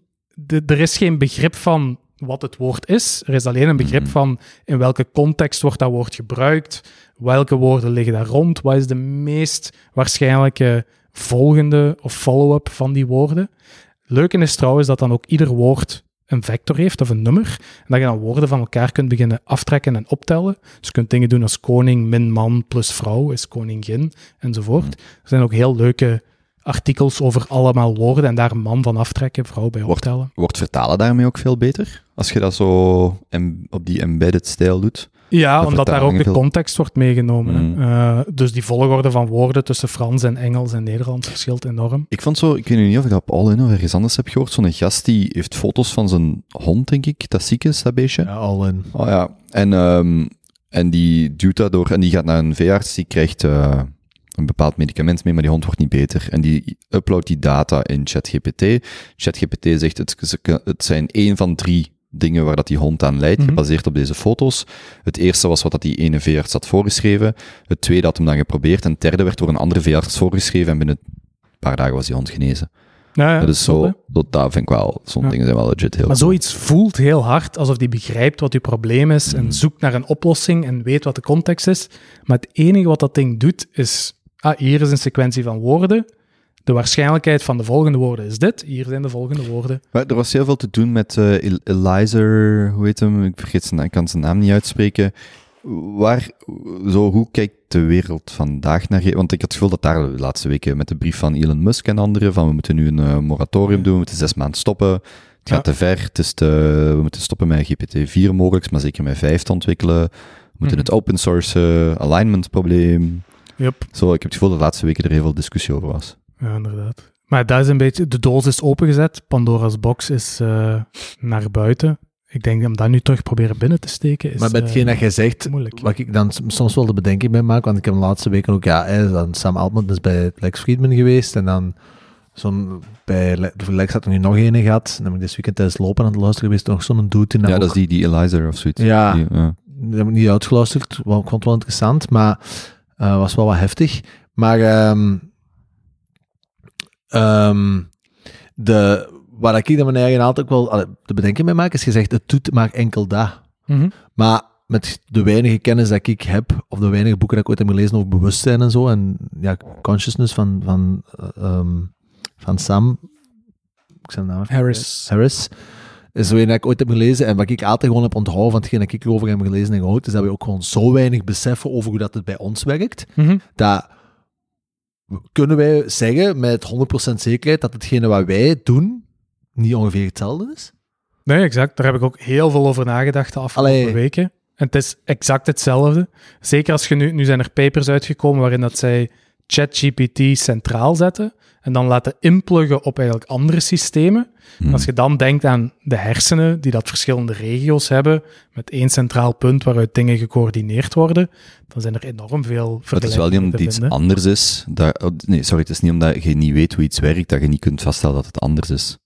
Zo, het brein Ja. van een chimpansee ligt dicht op dat van ons, maar je kunt zonder twijfel vaststellen dat dat toch andere resultaten geeft dan ons brein. Ik vind die zonder twijfel niet zo evident. Ik denk als je, dat is ook uit dat boek van Sam Harris. Als je echt probeert na te denken waar een gedachte van komt, Dat is echt komt je bijna altijd uit op Mhm. geen idee, geen idee. geen flauw Geen idee. fucking clue. En kunt jij oprecht zeggen dat het, eh, als je nu echt teruggaat naar je jeugd, het enige wat u geleerd is, is ook heel veel inputs geven, totdat jij de juiste output geeft. En een gesprek bij u is ook gewoon, jij geeft mij zinnen, ik geef zinnen terug. En dan is de vraag, is dat deterministisch, is dat nature, is dat Mhm. nurture? Van waar komt dat? Het argument dat je ook kunt voegen is, allee, allee, het argument, het is, ik vind het ook interessant van zo, consciousness is misschien het grootste biologische vraagstuk dat er vandaag is of zo. En misschien zijn we het gewoon wel aan het oplossen door het proberen na te bouwen. Hè? Of we komen erachter dat dat niet bestaat. Dat dat gewoon iets Ja, is dat we ja, ja. onszelf wijs maken. Mhm. En dit is gewoon een deterministische machine. En als iemand A doet, is B de Ik uitkomst. vind, ik vind het ook grappig, gelijk vrijdag was ik gaan eten met een vriendin en ja, wij, zijn, we zitten dan veel te diep in om bij wijze van spreken in heel het AI-gebeuren. We, we gaan er dan heel goed op, de, de tech-pro's dat we zijn. Maar zelfs zij is daar totaal niet mee bezig, maar het is vandaag ook gewoon in de, in de, de klassieke media is er ook heel veel over te doen. Hmm. Hè, maar dan laten zo, liet ik zo vallen van, ja, maar hè, dat ding is misschien wel bewust aan het worden. En die, die moest echt lachen, want die dacht letterlijk dat ik hem op aan het maken was. En Mhm. ja, ik lachte niet. En die zei, jongen, bij zeggen niet serieus. Allee, Mhm. bewust, dat, dat, dat, is een, dat, is een, dat is een tekst, dat is een, dat is een box, een tekstbox op een site. Hoe kan dat nu? En dan, dat is heel grappig, want het viel me toen ook nog eens op, als je dan zo met haar, en dus, dat is een slimme madame, als je dan zo het rationele gesprek overvoert, zie je ook, terwijl dat je dat aan het doen bent, Ja, haar ook zo tot de conclusie komen van, ah ja, maar shit, wat is dat eigenlijk? Waarom, waarom zouden wij zoveel anders zijn als, eh, ja, De definitie is heel definitie moeilijk, is er gewoon niet. Dus dat maakt het ook heel moeilijk om te zeggen, is het het wel, is het het niet? Maar sluiten ze een mens en ChatGPT op in twee kamers. Het enige waarmee ze mogen communiceren is e-mail. En dan mocht jij zeggen welke van de twee bewust is. Ik denk dat dat heel moeilijk dat, kun is. je, dat kun je niet zeggen. Dan, Maar dan wil Ah, zeggen dat die Turing complete is, hè? Die, Ja. die, die ja, op dat specifiek domein. Maar het is niet, mens zijn is niet e-mail sturen vanuit een zwarte kamer. Maar de Turing-test is toch altijd wel zo gedefinieerd? Ja, of Ja, maar via ik denk dat chat het heel- of via... Maar ik denk dat het heel dichtbij ook begint te komen. Ja. Ik weet niet of GPT de tu- Turing-test doorstaat. Denk niet. Nee, normaal niet. We hebben het nu niet Weet bekeken, maar eh, het zou kunnen. kan misschien wel goed doen alsof. Het is heel Ja. boeiende materie. Ja. Ik had een paar concrete vragen. Oei. Hoe gaat, hoe gaat ChatGPT 5 of 6 onze verkiezingen in 2024 beïnvloeden? ik wil het wat concreet maken voor mensen. Zo, hoe, gaan we dit, hoe gaan we dit merken? Ik denk dat het vooral afhangt in hoe dat het... Als je dat een beetje vergelijkt met de biologie, zoals je... Wat ze vaak doen in, in landen als Nieuw-Zeeland of in eilanden, is dat er op een bepaald moment een probleem is op het eiland met, eh, met de natuur, met dieren, met insecten of zo. En om dat op te lossen, halen ze een andere species naar dat eiland. En bijna altijd Hm. gaat dat compleet mis en neemt dat het hele eiland over. Dus de vraag voor mij is vooral, is ChatGPT een invasive species en gaan we nu gewoon 2 miljoen Facebook-accounts zien, 5 miljoen Twitter-accounts, 3 miljoen Twitch-accounts met allemaal ChatGPT's en niemand weet wat de fuck er Hmm. aan de hand is? Of niet? En gaan mensen dat gewoon gebruiken? Als mensen het gewoon gebruiken, niet veel. Als we plotseling met 32, inwoners, 32 miljoen zijn in België, Outcomes gaan nooit... Ik denk niet... Daar zeg ik niet meer akkoord. Ik denk niet dat na, met hetgeen dat er van nu is gecreëerd en met de snelheid dat het gaat, denk ik niet dat het, de, het resultaat ooit kan zijn, er gaat niet veel veranderen. eh, eh? ja, we zullen Denk zien. ik niet. Ja. Dat denk ik echt, daar, daar, daar, daar zou ik een heel zwaar met op pakken. Staan deepfakes volgend jaar ver genoeg? Dat je echt... eh, Maar waarom nu nog niet?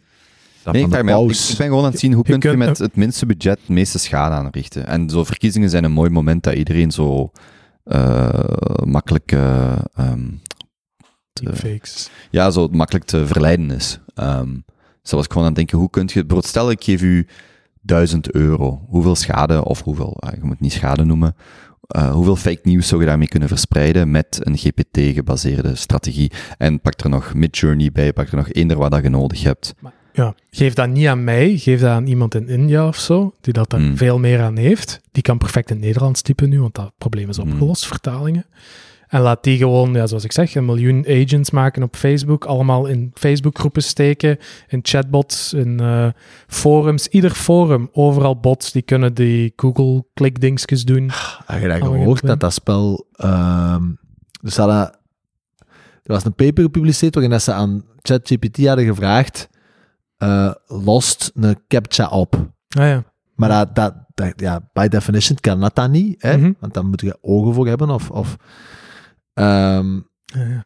en dan is naar Fiverr gegaan ja, ja. En daar iemand besteld. en dan had Hmm. daar iemand ingehuurd om die captcha op te lossen. Hè? Ja. En dan had ze een eigen? Zalig. Legit, hè? En dan had die, een- die, een- die een dude op Fiverr, of die, een dude- die of die, die, die een dude op, op Fiverr, begon ze op een duur zoiets van, nee, maar die beantwoordt ze mijn vragen zo'n beetje raar. En had hij gevraagd, zei jij een bot? En hij had geantwoord, nee, nee, nee, nee, nee, ik ben gewoon blind. All is fine. All is fine, I'm Ja. just a blind person. Dat ding was het manipuleren, hè? Nee, dat is echt exact wat dat je wilt Ja. horen. Maar Ja, daar maar- komt ja. maar nee, dat, dat, was het proberen te manipuleren, hè? En Ja. oké, is dat dan vanuit zijn eigen zwarte doos? Of is het dat omdat het de prompt aan het oplossen was van een, een, een biologische... ja. Nee. Maar met wie moet je Oh. ChatGPT aligneren? Met wie moet die gelijk zijn? Met u als persoon? Met de hele wereld? Je komt nog niet overeen met uw familie. Hoe gaat je één chatbot gelijk laten lopen met de rest Ja, van de wereld? dat- dat line- dat line- Om, Het ding was ook, dat zit hij in, eh, dat zit hij in hoe noemde hem bij Lex? Bij Lex? Ik zijn naam niet even vergeten. Lex Jussé. Die Ah. Eliza. Ja, die, die, die maakte één fantastisch mooi eh, eh, ding wel, vond ik. Een, een- een statement. Hij zei, ja, kijk, het grote probleem met het AI-onderzoek en waarom, dat waarom dat hij absoluut steunde van dat er een harde rem op moet komen en heel snel, is dat hij zei van, ja, kijk, hoe, hoe lossen wij als mens, als soort, hoe lossen wij dingen op? Hoe gebeurt wetenschappelijk onderzoek? Jij hebt een hypothese, jij test die hypothese, dat gaat fout. Jij voegt dat toe aan de tree of knowledge en jij test een nieuwe hypothese. Hij zegt, dat is het. En dat doen wij de laatste duizenden jaren in steeds hogere snelheid, omdat als tools beter is worden, maar in essentie, dat is het.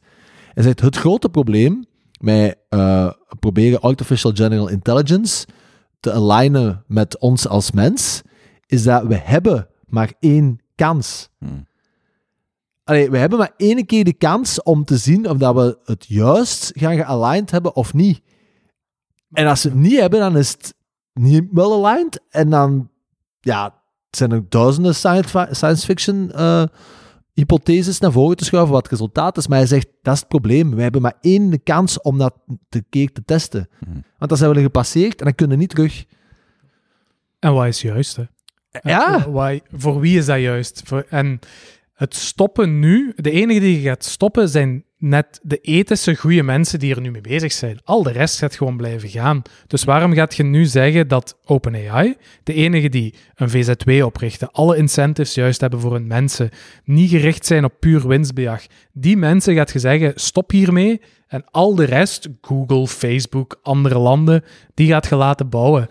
Dit is een soort, ja, misschien nu nog niet, maar het kan een soort kernrace worden. Hè? Waarom zou je dan zeggen tegen je eigen ja, feel-good boys, stop hiermee uit? Ja, het ding waar ik mij de laatste weken nog dikwijls aan moeten denken, is iets dat jij in de groep had gepost een paar weken geleden, is dat van het moment, van het moment als dat ding, als je er twee tegenover elkaar zet, en het, hij kan zichzelf kan beter maken. zichzelf maar een honderd miljoenste van een procent verbeteren, maar je zet ze tegenover elkaar, Mhm. en hij zegt de verbetering tegenover een ander, en een andere kan zijn ook een beetje verbeteren, en die doen dat tegen computersnelheid, ja, dat is het, hè.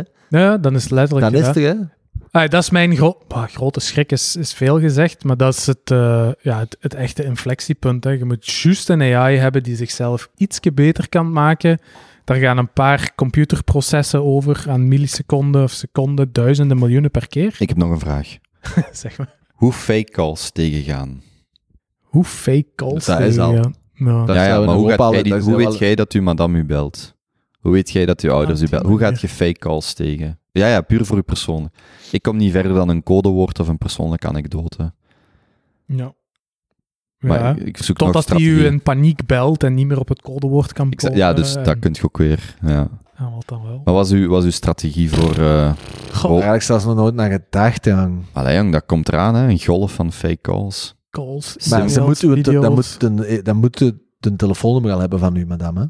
Ja, ja, oké, maar dat is nu... Dat is Ja. maar één datalek. Ja, ja. Mijn, mijn Ja. telefoonnummer is al drie keer gelekt. Tegen mijn gezin. ja, ja, maar Bo, dan... Allee, dan gaat ze het ook wel merken van mijn nummer werkt niet meer of zo. Allee, dat... Ja, of, Ja, maar nee, maar jij of wordt je krijgt gebeld. de telefoon van een andere gsm. Hè. Oh, ik ben mijn gsm kwijt, ik ben verdwaald, alleen, Mhm. gecrashed, bijna dood. Ja. Of anoniem, of whatever. Hè. Dan, dan je denkt, dat is een beetje vreemd, maar je neemt hem op. Hoe weet jij... Maar wacht, we, staan, we slaan een paar stappen over. Hoeveel, hoeveel audio heb je vandaag nog nodig om iemand zijn stem quasi perfect na te doen? Vijf minuten. Vijf minuten high quality audio. Ja, maar ga ervan uit dat gewoon binnen 1, 2, 3 jaar van quasi iedereen een stem kunt namaken gebaseerd op een, een minimale input. Want Ja. iedereen heeft wel een reel of een filmpje op zich, van zichzelf op Instagram. Of er, ga daar gewoon even van uit dat we met hetgeen dat we hebben dat kunnen doen. Ja. Ik denk dat je dat nu al ziet bij e-mail. Hè. Ze proberen heel veel en ze proberen gewoon... Het probleem is, ze kunnen duizend keer proberen en maar één Mhm. keer goed gaan. En jij moet duizend keren perfect verdedigen. Weet je dat dan kunt af, hoe, hoe je dat kunt stoppen? Wat, hè? NFT's. Blockchain. Ah, Enkel als je de juiste NFT hebt, komen je mails binnen. Enkel als je de juiste NFT Dus wij issuen een NFT, de Junto Boys. Mhm. En er zijn zo e-mail providers op Ethereum die enkel eh, het binnenlaten als in uw wallet die NFT zit. Ander, alle rest filter die eruit. Damn. Dus dan issued je die NFT's. Ik heb niet direct een... Ik ben heel benieuwd hoe dat, dan Ja. werkt. Dat is niet hoe dat cool, zo. mailprotocol werkt. Dus, eh, Nee, maar dat is een laag erop. Maar dan zo echt van, je kunt een beetje zo gelijk, eh, was ook met evenementen doen. Enkel als je die NFT hebt, krijg je toegang of komen er dingen door. Amai. En dus hier ook. Dus jij issued intern in je bedrijf. Maar ja, dan is weer de vraag wie issued dat, of staat het proces Ja. rond. En dan uw 5000 medewerkers, ieder een NFT in zijn browser of zo. Ja, maar dat Whatever. bestaat ook al. eh, als in, je kunt bijvoorbeeld hè, eh, @join.be, @bouwliving.be, Mm. je kunt dat allemaal beveiligen. En wat doen ze dan? In de plaats van @bouwliving is het @bouw, maar dan een hoofdletter i in de plaats Ja. van een l. Ja. Komt een mailje binnen van Benjamin die zegt: Oh, ik sta hier op een ding, ik heb nu 50k nodig. Stuur dat door naar mijn rekening, bla bla bla. Absoluut. Secretaresken is braaf, stuurt dat door. recent, recent eh, van heel nabije eh, omgeving verhaal gehoord van de CEO van een bedrijf en de, de, de mevrouw verantwoordelijk voor alle financiën kreeg een mailtje van eh, hey, eh, Ja. ik, eh, ik, ik, juist, ik wou dat juist nog even zeggen, maar kan je nog snel 5000 euro overschrijven op deze rekening, want eh, ja, de betaling moet snel buiten. En die stond klaar. Het was alleen omdat ze... Er was zoiets toen waarin dat ze nog even belden voor te checken, maar die zei, ja, dan stel ik Mhm. dat. Ja. En dat mailadres, dat was exact zo gelijk als dat gezegd. Mhm. En je kunt proberen wat je wil. Ah, dan Puur chance dat dat niet was gebeurd. beveiligt je gsm-nummer, dan proberen ze via WhatsApp. Probeer je Hmm. WhatsApp te beveiligen, bellen ze via Signal of dus- iets anders. Maar die robocalls worden toch super zot, dat je gewoon echt denkt dat iemand uit je omgeving belt. Maar in de States is dat al, blijkbaar wordt er in de States nog amper gebeld, hè. Ja. Omdat dat gewoon daar, in Europa hebben ze gewoon een algemene wetgeving voor goedgekeurd. Hmm. En hier is het... Wij kunnen ook niet sim swappen. Dat is wel jammer. Dat gaat in de VS gemakkelijker. Maar in de. VS is blijkbaar echt waar je tientallen keren per maand gerobocalled. Hmm. Dat is heel vervelend. Iemand de court case van Gwyneth Paltrow gevolgd? Ik heb er Nee. iets aan gezien op YouTube. Dat is grappig. Ja. Blijkbaar was het in haar voordeel, raar genoeg. Nee? Ja, ik denk dat ze is vrijgesproken door de Ja. jury. Maar het was ook zo'n eh, showcase van eh, Quiet Luxury. Hmm. Ehm, en ook wel eigenlijk heel jammer, dus iemand skiet tegen haar, of dat is dan waarvoor ze is vrijgesproken, dat zij niet tegen hem is geskiet. En die eist dan 3 miljoen, Ja. want zij is Gwyneth Paltrow. Maar om toch nog to the States. Ja. even verder te gaan op wat jij zei, het is wel, als, dat- als je dan een AI hebt die iets beter is, twee seconden daarna is hij 1% slimmer als ons. Dus dat is zoals hoe wij tegenover apen staan. Drie seconden daarna nog wat meer, vier, vijf, zeven. En dan heb je gewoon een, een goddelijke eenheid in ons midden. Maar we hebben het ook over IQ gehad. Wat is het IQ van GPT-4? EQ. IQ. IQ. is waarschijnlijk wel al getest geweest. Ik vraag me dat echt af. Ja, hoe ja, maar dat, dat is, dan? dat was nu, de 4 zat toch al bij de 10% hoogste. eh, Ja, maar dat zegt niet... Ja, inderdaad, van die vergelijkende testen. denk Wat dat zou van- het IQ van de, zijn? de bar in de States. Als je die 10% een. IQ-test geeft, dan is dat 100 op 100. Ah, Ja, 100% het hoogste. gewoon. Ja, 200, eh, ik weet, weet ik veel hoeveel IQ-punten. ja. Maar dat zegt niks over het EQ, hè? het emotioneel. Daar weet hij niks van. ja. Hangt er vanaf. Willen we, nog wat, willen we nog wat doorgaan over, over ChatGPT of zullen we even, zullen we even switchen? Ja, ik denk gewoon dat heel veel mensen niet doorhebben. Zo. Wat er aan het gebeuren is. Ja, Ja. en hoeveel ze gedesintermedieerd gaan worden. Als je vandaag een grafisch designer bent, sorry ze, heel veel idioten kunnen met Midjourney doen, waar dat Mhm. jij... Oké, ik heb niet de softe laag van menselijk contact erop, maar je kunt echt superveel gaan maken. Ik werk Ja, dadelijk samen met een, eh bij ons in de cowork zit er een grafisch bureau en die zeggen dan altijd, en ik kan daar ergens wel in komen, maar soms denk ik ook, keep telling yourself that. Maar die zeggen dan, ja, ja, maar daar ga ik niet noodzakelijk om. En allee, ik snap waar ze komen, maar ze zeggen, ja, als klanten weten niet wat ze willen. Hm. Die kunnen niet zeggen, Mhm. geef mij de, die zeggen gewoon, ja, we moeten een nieuwe huisstijl hebben. Oké, maar GPT geeft, of Midjourney geeft 300 outputs, Ja. en dan kiezen zij gewoon uit, 300 oh maar, hier zitten zoveel suggesties tussen waar wij nog nooit over nagedacht hadden, en dat kunt jij dan weer niet, want jij zit maar beperkt met je En medewerkers. zelfs die van Google en Microsoft zitten in uw tools, dus die kunnen dan ook nog eens echt- al die info meegeven. Hmm. En veel mensen zitten daar wel, hè, als in, je kunt nu veel jobs automatiseren, maar de volgende stap is gewoon dat ook het samenbrengen van de output van die jobs gaat ook geautomatiseerd worden. Als in, je gaat niet vragen aan een grafische designer dit en een marketingpersoon dat. Nee, je gaat gewoon zeggen, stuur mij een e-mailbrief uit iedere week naar al mijn klanten die over de bouwsector gaat of zo. That's it. Eén regel, wat is dat, vijf jobs? Want gelijk, jij, jij maakt ook de nieuwsbrief van Bouw. Mhm. Waarom, wauw, jij kunt toch perfect zeggen, dit zijn de drie highlights. Maak mij eh, zelfs niet. drie... Toegang tot het internet. Geef mij de drie highlights in de bouwsector. Nee, sorry, ik bedoel zo maand. intern bedrijfsnieuws. Hè, dat hij gewoon zegt, hier zijn drie belangrijke thema's, maak een verhaal in de stijl van nieuwsletter ABC of whatever dat is. En ineens is je schrijfproces gewoon, en dan gaat je gewoon nog editen. Maar Ja, een ik van heb de deze eerste ochtend- plugins is Slack, hè. Dus ga door Slack, neem de drie grootste topics, maak een nieuwsbrief. Ik heb deze ochtend een nieuwsbrief verstuurd voor deze maand. Ja, tot ChatGPT moest ik een uur of twee uittrekken voor, dat, voor die tekst te schrijven. Mhm. Dus een, een half uur nog, hè, max. Hè. hmm. Ik geef inderdaad, ik ga gewoon door de posts dat er die maand zijn geweest. Ik pak de drie belangrijkste eruit. Ik zet daar, ik, geef, ik zeg, en ik heb nu zo één kanaaltje in ChatGPT waar ik al die nieuwsbrief laat de laatste Ja. maanden laten schrijven. Ik zeg gewoon, do the same as the previous one, but these are the new highlights. Hmm. En ik heb nog een rough first draft. Je gaat altijd, allee, voorlopig nog moet ik wel wat fine-tunen, maar mijn schrijfduur is van ja, twee uur naar 30 minuten gegaan. Mhm. Mhm. Ja, ik zet dan ook voor de grap, maar ik ga dat wel zo presenteren morgen. Eh, ik heb een, eh, een groter project binnen Join om een datamigratie te doen.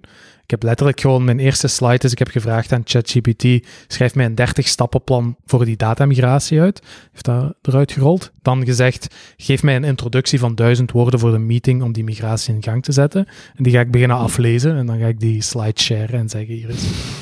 En dat is gewoon ook een beetje gefine-tuned, maar 90% is Ja, dat zijn allemaal dingen die. eh, er is heel weinig unieks dat mensen doen op het werk. ja, en een deel zit nog Eens steeds, ja. en het zit nog steeds bij uw judgment of dat 30-stappenplan. En Ja, jij bent ook tuurlijk. nog steeds de eind van, dus dat jij aan zich die stap automatiseert, is helemaal niet erg. Jij blijft nog steeds de eindverantwoordelijke en jij moet zelf inschatten of dat stappenplan legit is en of dat daar alles in zit. Tuurlijk. Maar om zelf met een stappenplan af te komen is gewoon waste of time als GPT dat beter doet dan u. Ja, ja, inderdaad. Ja. En nu zijn nog veel mensen niet daar om GPT te gebruiken, dus daar heb je nu nog een edge. Dan Mhm. al die jobs die eruit vliegen, dan de aggregate jobs die eruit vliegen. Benny, zullen wij dan nu eh, Jonas wel laten deelnemen aan het gesprek en even zijn GPT-versie afzetten? Dat zal echt zo goed zijn. Ja. Luister, kunt je, kunt je het verschil zeggen? Ja, we zijn er, er was een weddenschap tussen jullie twee, hè, wanneer je met audio kon... Ah ja, maar daar Hmm. ben ik heel overtuigd van. Dat, komt helemaal- nice, dat was nice, een half jaar of zo. Maar nog geen Ja. zelfrijdende auto's van Antwerpen naar Brussel. Nog niet. Nog. Wacht, hè, ik ben niet aan het zoeken. ehm iets wat- En jij hebt ook eens gevraagd hoe raken die dan uit de computer? Hm. Maar stel je voor dat GPT zo slim wordt, dan gaat hij ook gewoon advancement maken in de fysica, in de chemie, in wat dan ook. Ja, ja. En die gaat gewoon denken, hey, atoom hier, atoom daar. Als ik nu gewoon dat atoom, dit atoom Hmm. maak, Wat transporteren. die Eliza ook hoorde zeggen, opnieuw, ik ken er niet genoeg van mij, zei van de infrastructuur, de fysieke infrastructuur, de hardware die wij vandaag nodig hebben om een GPT te draaien, een GPT-4, is ook nog, ehm, je kunt bijvoorbeeld GPT-4 bij wijze van spreken open sourcen, maar je kunt niet de compute dat nodig is open sourcen. Maar hij zegt, wat als een GPT-4 zelf, wat dat ook betekent, doorheeft, dat het zich kan trainen, niet op de specifieke ASICs of whatever dat het op traint, maar op eh, gewone GPU's of op gewone toestellen. Wat als je op die manier dus niet zozeer dat de, de, pres- de piekprestatie van 4, 5, 6 zoveel hoger altijd ligt, maar dat de breedte waarin het eh, kan functioneren op, op elk toestel, op elk soort netwerk, dat dat enorm gaat eh, exploderen. En dat is niet zozeer dat, dat het eigenlijk alles overneemt eh, van uw infrastructuur, omdat het letterlijk op de hardware van een gsm kunt je een, een ik geloof dat GPT zei, Friedberg getraind is op 700 gigabyte aan data, GPT-4. Nee, nee, nee. Het drie. eindmodel is 700 gigabyte. De Ah, zo, het- data sorry, is Sorry, petabytes. juist. Dus, dus, maar dat het eindmodel eigenlijk, de data van het eindmodel kan draaien op een gewone smartphone, een consumer smartphone die wij allemaal hebben. Mhm. Ehm, en als je dan ook nog de compute hebt, want dat weet ik niet hoe, hoe, hoe dat die performantie is, maar als dan uw iPhone of uw gewoon toestel eh, de compute heeft om het ook op die schaal te, eh, te draaien, ja, dat is toch, dat is toch bonkers. Of GPT heeft door, computers zijn alleen maar eentjes en nulletjes. Het is aan en uit.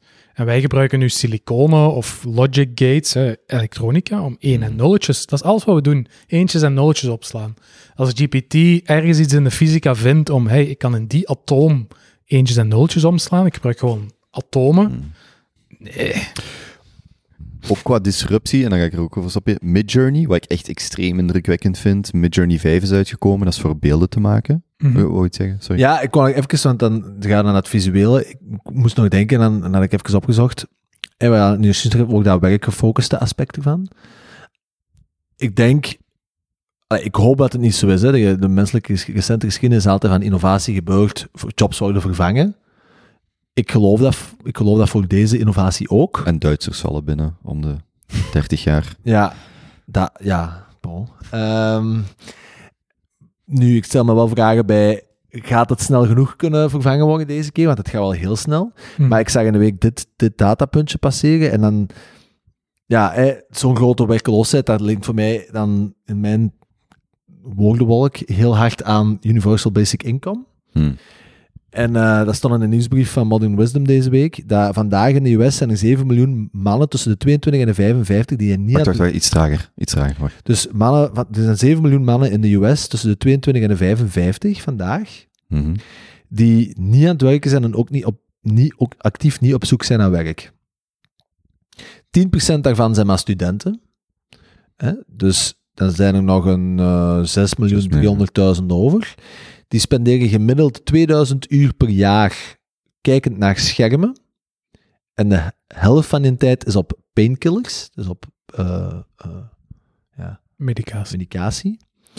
Ehm tweederde van die mannen zijn. eh, wacht, hè, dus on top, on top of welfare, two-thirds of these men are in homes which are also claiming at least one disability benefit. Dus ook disabilities. Mhm. En er zijn. Ja, meanwhile, there's tons of, tons of job adverts for precisely this group which are going unanswered. Dus die mensen hebben de mogelijkheid, maar ze gaan gewoon niet werken.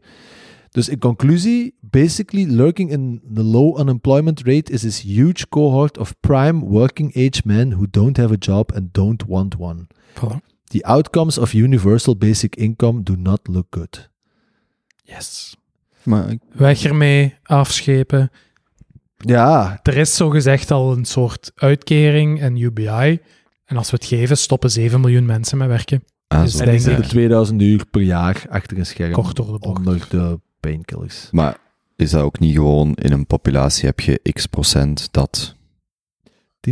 7 Want 7 miljoen, ja, dat is 3 procent. 2 procent en een half. Dat is toch niet zot? Er zijn 330 miljoen Amerikanen, de helft is man. Dat is 100. Ah, het zijn enkel mannen. Ja, ja. Ah ja, oké. Dat is 150 Oh, dan is het al miljoen mannen. Dat Dat is is 5 procent. Mhm. Allee, ja, goed. Ik, Maar dat zijn er die... Ja, ja, dat is echt, het is een snippet, hè. Maar ik- Hmm. Maar dat zijn dus exclusief de zieke gepensioneerden en zo. Dat zijn, die zouden kunnen werken, is Ja. het probleem. ja. Mhm, mhm. Ja, ja, ja, ik weet het niet. Hè. Je hebt dan Rutger Bregmans in een boek in de tijd en die, Mhm. die, die heeft dan voorbeelden van dat het keigoed gaat als je mensen op Universal Basic In- on- Income zet. Ja. Maar ik vond dat wel Maar een dus wat ik wou zeggen van. Midjourney is dat dat is heel cool. eh elf man team. Ja, En, dat, Dat is en dus, de, dus de disruptie van Midjour- Midjourney, leg even uit wat met Johnny is. ah, dat is een tool gelijk GPT. Die maken plugjes om onder je stoelen te zetten, zodat dat niet altijd zoveel lawaai maakt. 20 cent bij Ikea. Inderdaad. Dat is een principe kwestie, denk ik. Of dat nu over 258 euro gaat of 10 cent, dat is het principe. Maar, Graag eh, bij hem in. ja, dank u. Maar Midjourney is een, is een tool zoals GPT waar je een prompt in geeft, of, of beelden zelfs, en dat, en dat recreëert beelden voor u. Dat maakt eigenlijk alles wat je wilt. En dit is ondertussen versie 5, als ik me niet vergis. Of is er al een 6? Een 5? Dat kan. En ehm, ja, de output daarvan is zo fotorealistisch. Ik denk de beelden die mensen misschien hebben gezien van de paus en van Trump, zijn arrestatie, eh, dat is waarschijnlijk met Midjourney of iets eh, soortgelijks gemaakt. Dus je kunt er echt heel goede beelden beginnen maken. Dat is echt, de, ja, fotorealistische renders. Allee, ja, dat zijn dan geen renders, ja, ja, dat zijn technisch wel renders, maar wat ons vroeger heel veel tijd kostte, maak je nu gewoon zo. Ehm, Dat is dan een elfkoppig team. ja, elf man. Crazy. de volledige grafische sector even op zijn kop zet. Ja. Bon, ehm, om even een volledige andere Ga ervoor. richting Genoeg, uit te gaan. genoeg gerommeld. Genoeg ChatGPT, Extinction AI, event is near. existential... Welcome the AI Angst. overlords. Ja. Eh, ik heb een boek gelezen in Mexico. Ja, nou lame. Ik heb het zelf gelezen. Ik heb het zelfs niet laten samenvatten door ChatGPT. Ik heb het gewoon echt gelezen. Ja, jij werd bezig met Green Mobility. Letter per letter. Ah nee, je had dat beter gedaan. Wat wil Nee, je? sorry, sorry. Ik was even zup, zup. Oké, dus eh, het boek noemt Diep van James Nestor. Ik denk dat we een paar jaar geleden heb ik die in een ander boek ook hier is, denk ik, besproken. Breath. Over de ademen. Ehm, ik vind dat een heerlijke auteur. Dus nee, ik denk nog maar twee boeken geschreven, maar dat is, die gast vindt zo altijd de meer obscure gezondheidsaspecten of elementen van het menselijk lichaam, waar daar nog niet echt heel toegankelijke literatuur over geschreven was. En dit was zijn eerste boek. En Diep gaat eigenlijk over ehm, de oceaan en onze connectie met de oceaan. Ehm, en ik heb gewoon even zondag in voorbereiding hierop zo door mijn highlights gegaan en ik heb er een paar uitgehaald. Ehm, die ik wel echt frappant vond. Dus ik denk, zoals Teun kan beamen, pardon, hebben wij een connectie met de oceaan als mens. Sommige mensen zullen dat wat heilig voelen dan anderen. Ik weet niet, Jonas, voelt geen sterke connectie met de oceaan? Nee, niet echt. Maar elke wel, weet ik. Ah ja, voilà. Ehm, nu, het ding is, als je dan leest in een boek, is dat niet zo abnormaal dat wij die connectie soms voelen. Want het, eh, we worden eigenlijk geboren uit oceaanwater. Dus het vocht in de baarmoeder van een volwassen vrouw Hmm. heeft eigenlijk dezelfde consistentie als oceaanwater. Daarom Zel- sma smaakt een foef naar... Oh, sorry. Oh god. Dat ruikt ook zo naar de oceaan. Ah. Eh, het is zelfs zo dat tijdens de ontwikkeling van de embryo ons eerste karakteristieken zijn visachtig. Mm. Ja, dus we groeien eerst, we groeien eerst handen en dan pas voeten. En ons handen schelen maar één gen, één, niet 1%, maar maar één gen van vinnen. Hmm. Het is zelfs zo dat als bloed heeft een zeer gelijkaardige samenstelling als zeewater. En een pasgeboren babytje, Jonas, zal automatisch beginnen zwemmen, indien onder water gehouden, en kan zijn, adem, zijn adem 40 seconden lang inhouden. Dat is meer als de gemiddelde volwassen mens. Dat filmpje heb ik al in een paar varianten zien passeren. Dat ze echt gewoon langs een zwembad staan, pasgeboren baby, en gewoon gooien. Ja. Gewoon dumpen. En dat ding, dat, dat ding. En die hebben ook- zwemt Een drijfreflex blijkbaar. voor Die 40 seconden lang. Nou ja.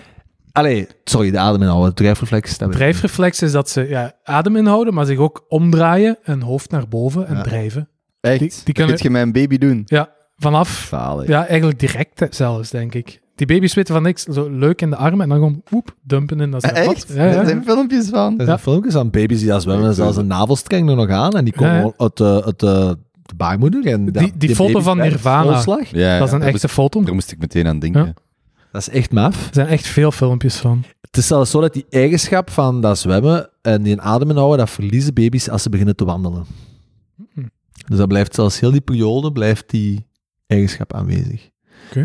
En heel die boek, en ik vind het echt wel een, eigenlijk een hele coole boek, leest ook heel vlot, gaat heel erg over de oceaan, eh, onze connectie als mens met een oceaan, en vooral hoe dat wij eigenlijk evolutionair, hoe dat we dat kunnen zien in bepaalde reflexen, zoals dat van dat babytje, dat voorbeeld dat ik nu gaf, maar hoe, dat, dat, hoe dat je dat eigenlijk nog kunt zien dat wij, ja, uit een oceaan voorvader allee, als voorvaderen komen uit de oceaan. En daar zijn nog best veel bewijzen voor in het menselijk lichaam. Mhm. Een ander voorbeeld daarvan is... ehm, we hebben dus van alle bizarre automatische reflexen in ons lichaam als wij in contact komen met water. Ehm, en hoe dieper dat wij in water gaan, hoe meer van die reflexen dat er worden geactiveerd. En ehm, de, de, ze noemen dat de master switch. En de master switch is, je kunt dat zelfs al activeren als je gewoon met je, met je voorgezicht, dus met, je, hè, met de voorkant van je, van je hoofd, volledig onder water dompelt. Of zelfs als je je hoofd onder water houdt, wordt je master switch geactiveerd. En wat dat eigenlijk doet, is een aantal zaken, maar dat gaat vooral u in een... In een ehm, ah, er gebeuren een aantal dingen. En naarmate dat je dieper in dat water zakt, gaan, worden die steeds heftiger en heftiger. Maar bijvoorbeeld op 15 meter diepte klopt ons hart nog maar de helft zo snel. 15. Dat is ook wel diep, hè? Dat is heel diep. 15 Maar dat is eh, nog belangrijker niet... eh, dus dit boek gaat eigenlijk begint en gaat voor een heel groot deel over vrij, eh, freedivers. Ah, ja, ja. Dus mensen die dat tot, denk wat was het, 200 feet, wat is dat, 60 meter? Hmm. Kan, hè. Dat gedeeld over drie, zoiets, ja. Regelmatig, allee, het record liggen toen als een boek geschreven en dat is al tien jaar geleden, gaan mensen bodem tot van het zwembad al druk. Laat staan. Dus dat is ongelooflijk dat ons lichaam dat aan kan en dat wij dus evolutionair ontwikkeld zijn om dat aan te kunnen. Want, wat gebeurt er? Op 15 meter al, hè, dus uw hart klopt nog de helft zo snel, het bloed gaat van al onze ledematen automatisch naar onze belangrijkste organen. Dus die reflex is er ook op een of andere manier. Ons lichaam voelt dat. Voor de, voor de luisteraars, hij ging naar zijn eh, hart, Ja. Ehm, toen het belangrijkste ons- orgaan zei. ons, onze longen krimpen naar ongeveer een derde van de normale grootte. En dat is op 15 meter. Als wij naar 60 meter duiken, dan zijn er duiken, dan zijn mensen die dat dus doen, zijn uw longen nog een tiende van wat ze ooit zijn. Dus dat wordt zo'n soort van walnoot. En ons lichaam kan dat allemaal. Hmm. Dat is dus mateloos fascinerend. Ehm, en de- dat is dus heel verslavend. Er zijn die freedivers, dat is een, dat is een soort van levensstijl.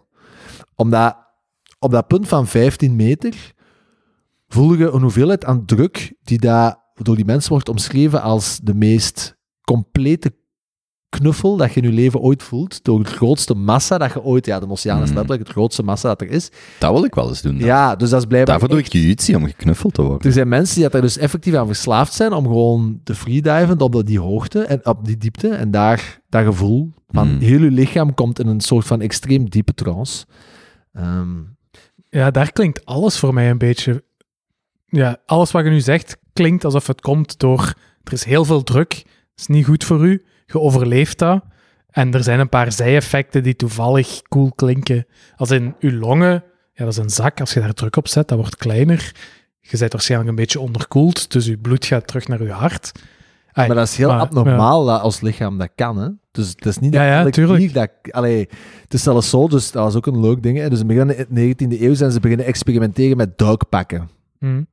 Ehm, dus wij in het Westen, hè, eh, technisch gedreven eh, maatschappij, we waren van alle extreme dingen, kunt u dat zo wel inbeelden, vroeger zeggen dat was van die oude duikpakken, hè, van die Hmm. grote met metalen. En... Maar daar zijn dus de meest gruwelijke dingen mee fout gelopen, want ja, ze, dat, het idee was, we houden de druk gelijk in dat pak als een druk Eh, buiten. mhm. En dan gingen er dingen fout en dan zijn dus blijkbaar, dat kan je eh, in het boek wordt dat omschreven, dan ja, gaat er iets fout ergens in, dat, in die drukconstructie en die mens wordt gewoon gezogen, gezogen door het klein kotje van opening dat Ja, in ja. dat pak, dus je... Dus er zit zo'n... Ja, je kunt er iets Volgens mij was dat bij een duikboot. Ik denk niet dat dat in een pak... Als het, nee, ik ken ook zo'n verhaal en dat was bij een duikboot op hele diepe dingen dat ze dat deur open deden. Ja, er zijn heel veel gruwelijke dingen ooit gebeurd bij de, bij de ontwikkeling van Hmm. die... eh, en dat, dat was nu een voorbeeld dat in een boek stond. Ik, weet- het niet, eh, dat is één bron. Eh, maar in de tijd eh, van alle dingen aan het proberen geweest om dat te laten marcheren. Daar zijn eh, vele decennia overheen gegaan. En aan de andere kant van de wereld, in Perzië, waren ze gewoon nog eh, al duizenden jaren eh, aan het duiken met eigenlijk dan de natuurlijke ontwikkeling dat wij hebben om die dingen te kunnen doen. En daar doken ze traditioneel tot 30 meter diep met niks meer als een goede hap adem en een duikmes. En dat doen ze al duizenden jaren daar. Dus ook, je kunt ook heel snel je dingen onder water verbeteren als je daarop traint. Dat je veel langer je adem... eh, zo, ik zeg eens dat je zo met een beetje training 10 minuten onder water Ja. kunt blijven. Blijkbaar kun je gewoon... absolute wereldrecord is nu, wat was het? 11 minuten, dacht ik. Ja. Maar je kunt dat heel snel blijkbaar. Je kunt heel snel na drie minuten. Of ja, zoiets. Ja. Je kunt op volledige wilskracht door die eerste schok van ik heb geen adem meer. Blijkbaar is die helemaal fake. Als je Ja. zo... Ai, kun je dat die reflex, dat is helemaal niet waar. Je, dan heb je nog twee derde over of zoiets. Ja, dus dat, is, dat leggen ze ook uit in een boek. Dus dat is een, eh, dat is een reflex van dat je lichaam eh, hoge hoeveelheden van CO2 begint te ervaren. Maar qua zuurstof heb je nog meer dan genoeg. En je kunt dan inderdaad trainen dat die middenrifcompulsies, dat, dat, dat kun je gewoon doortrainen. Maar ze leggen dat heel goed uit. Daarna komt er wel, dat weten van ongeveer, heb ik nog zoveel seconden. En daarna is het wel, begint het wel spannend te worden. Ja. Want je hebt ook dan ook een reflex, dat zit er dan ook blijkbaar in het menselijk, hè, dat is dat, voor die diepzeeduikers, die, die komen dan terug naar boven, die beginnen, die, ik denk dat die inderdaad, die zo dat, dat, dat shocken, Mhm. dan gaan die dan door, maar dan weten ze, ah, nu hebben we nog 30 seconden.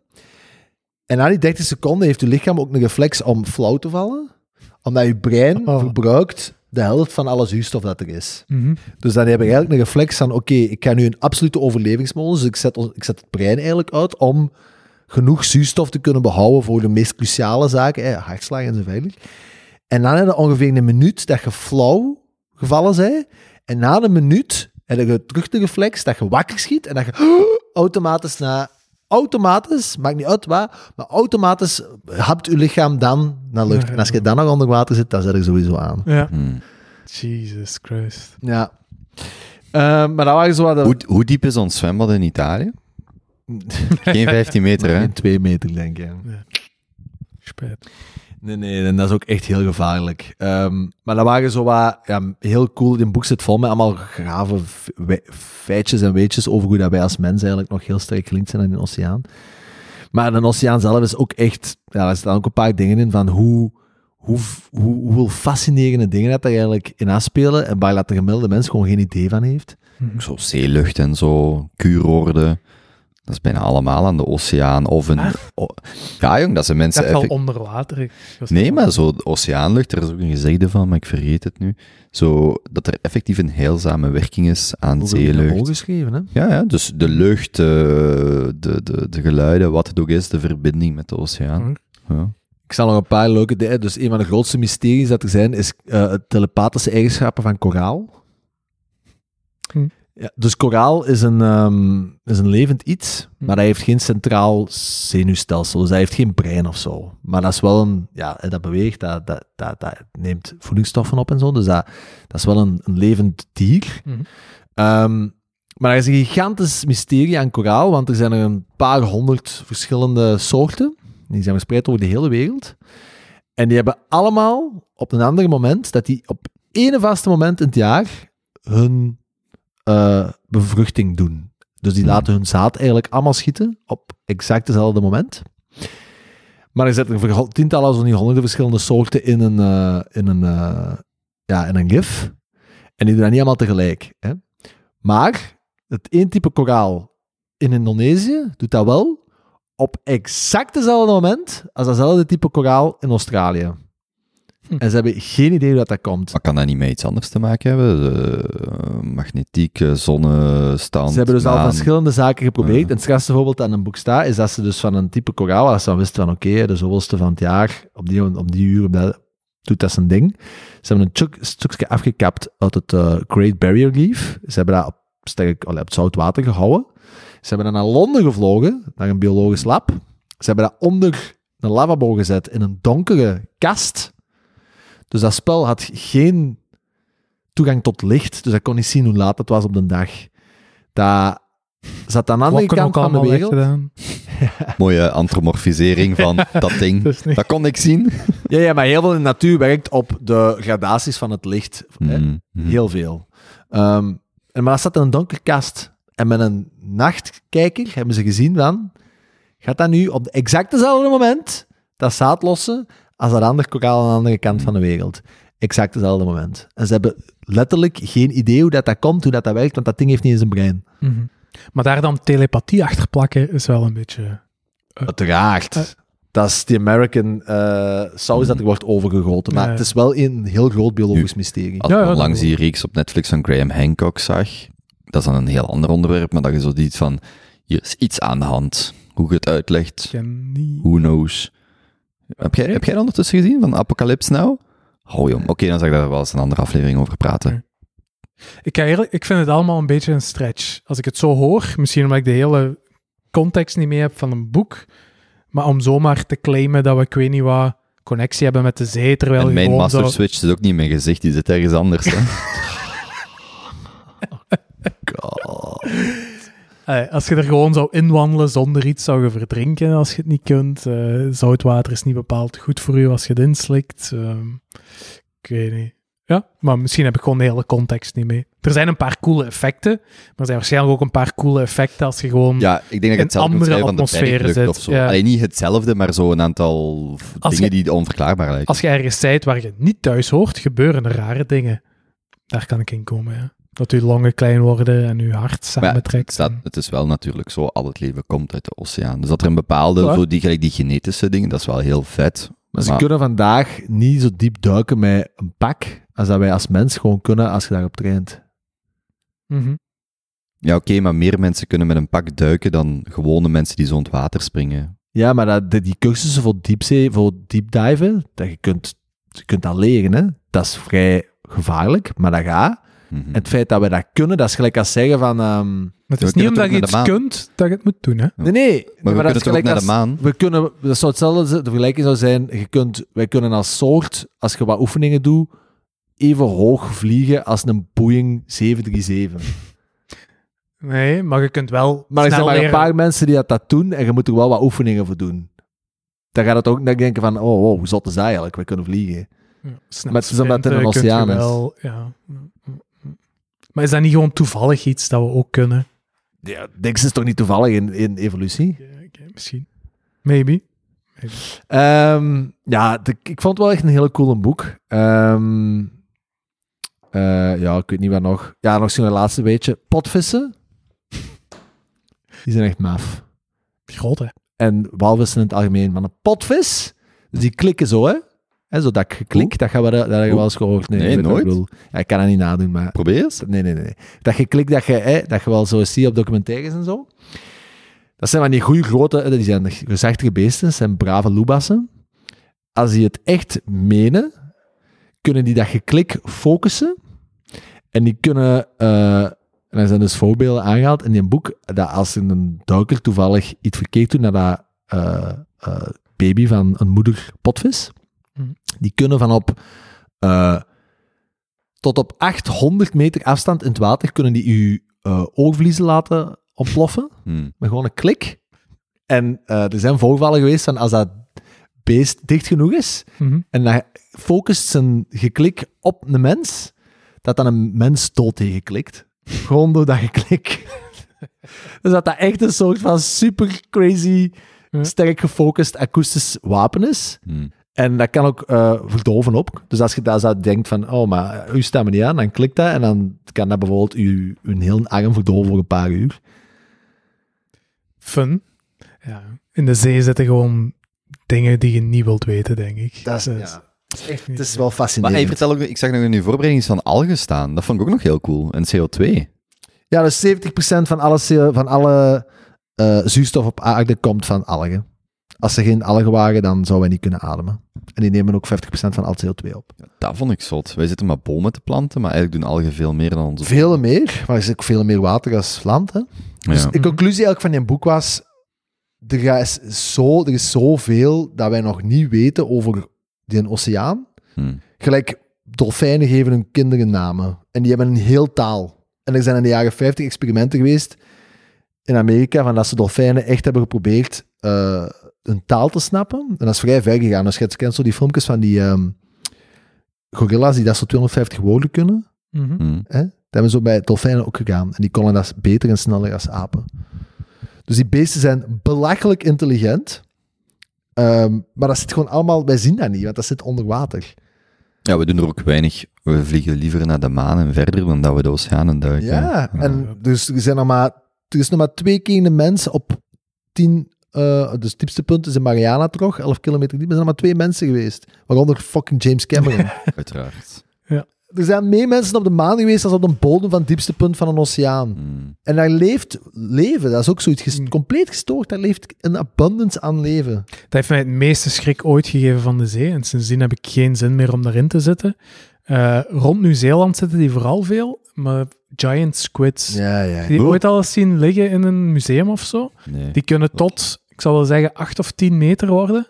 Dus een, squid van 10 meter met tentakels, dat gewoon zo even voorbij drijft. Die komen tot aan het oppervlakte, tot aan het diepste punt. Die kunnen in de hele zee komen die voor. En dat zijn dus, ja, hier ongeveer van muur tot muur zeker, zou ik willen, denk, zou ik willen zeggen. Eh, een squid die even voorbij komt. En een mens is ongeveer, nee, dat moet veel groter zijn. Een mens is ongeveer even groot als een oogbal. Echt? Wauw, Ja. Is dat zo groot? Jawel, jawel. De giant squid. Ik ben vrij zeker dat die foto daar zo... Oog van 2 meter, dat is het grootste oog in het dierenrijk. hè? Ja, klinkt wel een, Dat een is- stretch. Klinkt een stretch. Ik ben erover gegaan. Ik ben erover gegaan. Maar was wel echt enorm groot.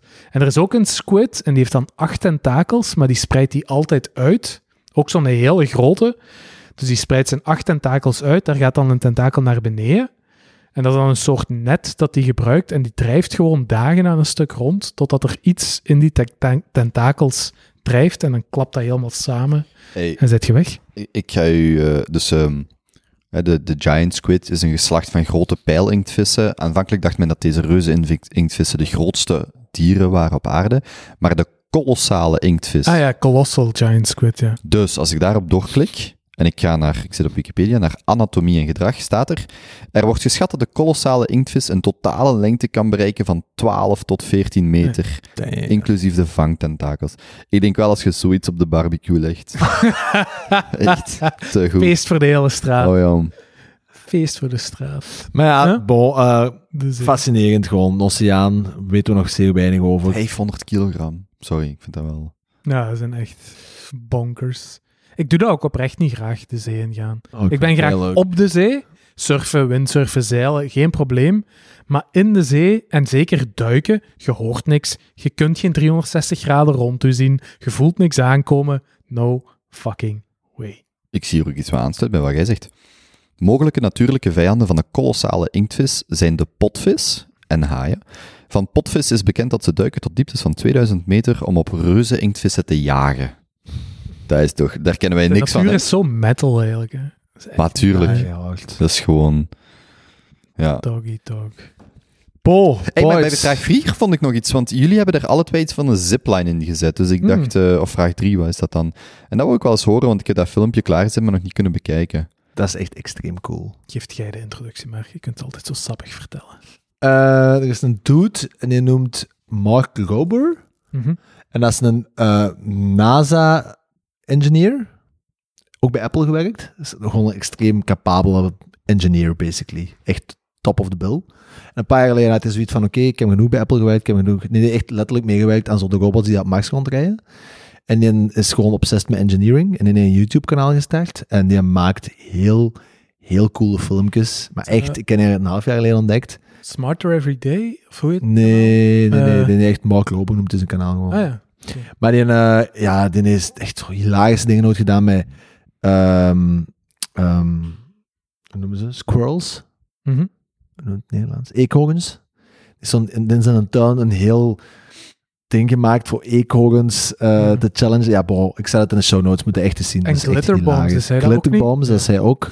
Heeft ze, er was een pandemie in Amerika waar ze altijd de pakjes van, de, van voor de deuren wegsteelden. Amazon en zo ging Hmm. daar altijd van alles zetten. En hij heeft dan pakjes gemaakt. En als je die meepakte, gingen er alarmen af. En gingen er... En voornamelijk glitter spoot eruit. En eh, ja, dat was wel cool. En die eh, doet blijkbaar één keer per jaar ook zo een filmpje van een bedrijf dat hem dan heeft leren kennen, dat iets met engineering doet, waar ook gewoon een hele groot mooie maatschappelijke impact heeft. En het filmpje van dit jaar vond ik echt magnifiek. Ehm, dat is een Afrikaans bedrijf dat iets doet met drones. Dan ga ik het misschien aan u laten. En het heet Zipline. Ik heb daar een paar jaar geleden al eens iets van gehoord, maar toen was het nog heel klein. Maar inderdaad, op dit filmpje zie je dus nu in, eh, in Afrika een volledig ontwikkeld, self-sustaining, mega succesvol bedrijf. Van, eh, en wat die doen, is die hebben hun eigen drones ontwikkeld. Eh, het zijn niet de buzzende drones zoals wij ze kennen, maar echt eigenlijk vliegtuigjes. Maar omdat vliegtuigjes heel moeilijk te lanceren zijn en je hebt daar veel ruimte voor nodig, hebben ze er eigenlijk niks anders op gevonden dan een gigantische katapult uit te vinden, waar dat ze die vliegtuigen opzetten en daarmee katapulteren.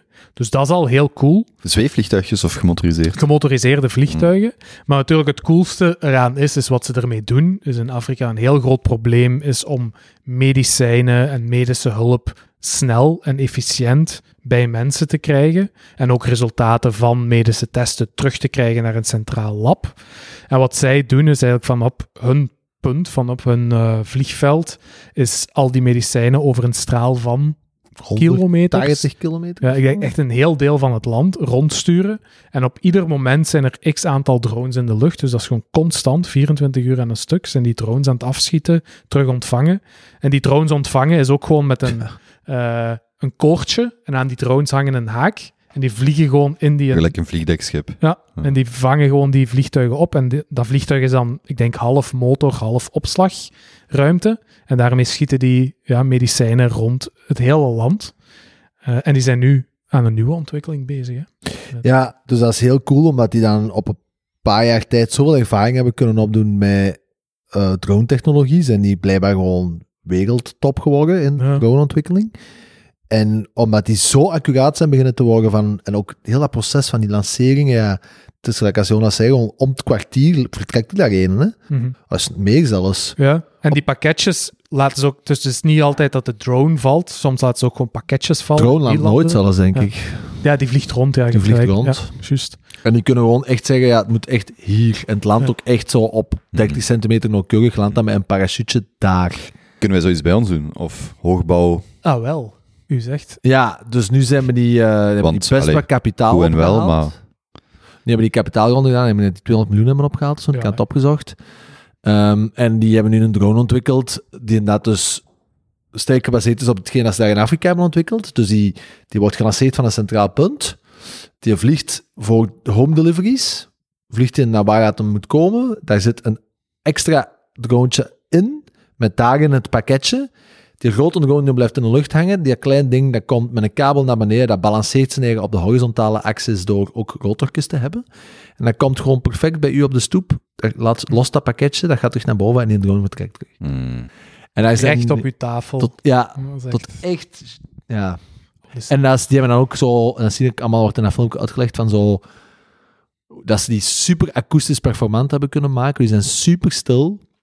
En die dingen zijn gewoon belachelijk nauwkeurig, want dat werkt. Allee, bij veel Ja, het startups is zo, jaren, ja, bij veel startups is het van, ja, het zal wel, maar die mannen doen dat gewoon dus al jaren in Afrika in de broes, voor levens, voor echt zo bloed. Dus als er iemand binnenkomt in de, in the middle of nowhere in Afrika, en die heeft bloed, ik zeg maar niet, A, negatief nodig, en ze hebben dat niet meer, dan sturen die een bericht naar die service, en een Mhm. kwartier later landt er een zakje bloed aan de operatietafel voor die mensen te redden. Dat is zot.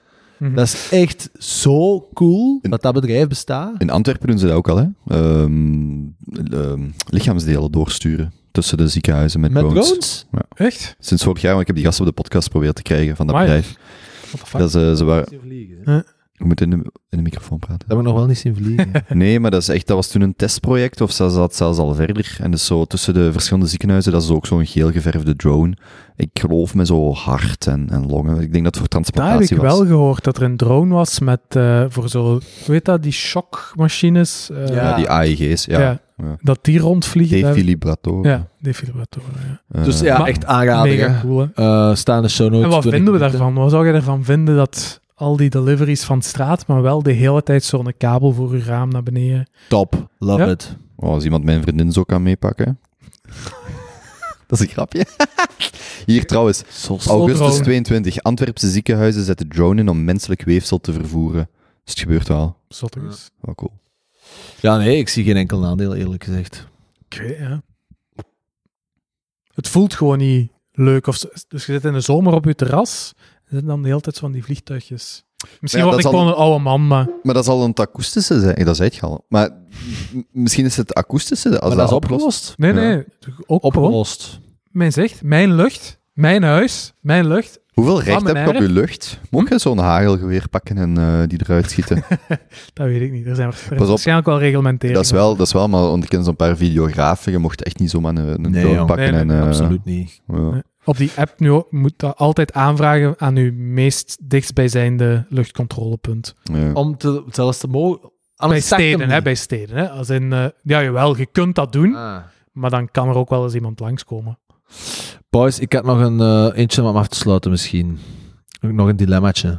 Mm. Spicy. Ik vind het leuk. Ik heb in de laatste weken nog eens wat rondgevraagd, rondgevraagd en ik krijg verschillende antwoorden. Dus dat wil meestal zeggen dat het een goeie is. Hè? Mhm. Ehm, dus, een dilemma gebaseerd op de actualiteit. Ik spring even naar vraag 8. Nooit geen seks meer? Of nooit geen muziek meer? Mm. Oeh. Nooit geen muziek meer. Ja? Ja. Ja? ja, ja, ja, zeker. Jawel. Oeh, dat vind ik toch moeilijk. Ja, ik ook. Intuïtief zou ik vind muziek toch heel. Oeh. Oké, oké. Ik, Interessant. Ik, voor mij was het ook een moeilijke, hè? En ook, weet je, seks met jezelf gaat. Zelf muziek maken is moeilijker. Ja, maar wat bedoelt je met geen muziek? Als in, er wordt geen muziek gemaakt? Ja, maar wat bedoelt je met Nee, nee, je mocht geen muziek. Ja, inderdaad, want dat was Hey, seks met uzelf. Jullie hebben allemaal een flashlight. Allee, ik bedoel, dat vervangt al veel, hè? Wat bedoelt je, Benjamin? Eh, de geen muziek wil zeggen dat als jij, je hoort gewoon nooit geen muziek niet meer. Niks melodisch. Niks. En geen seks wilt ook zeggen, niet met uzelf.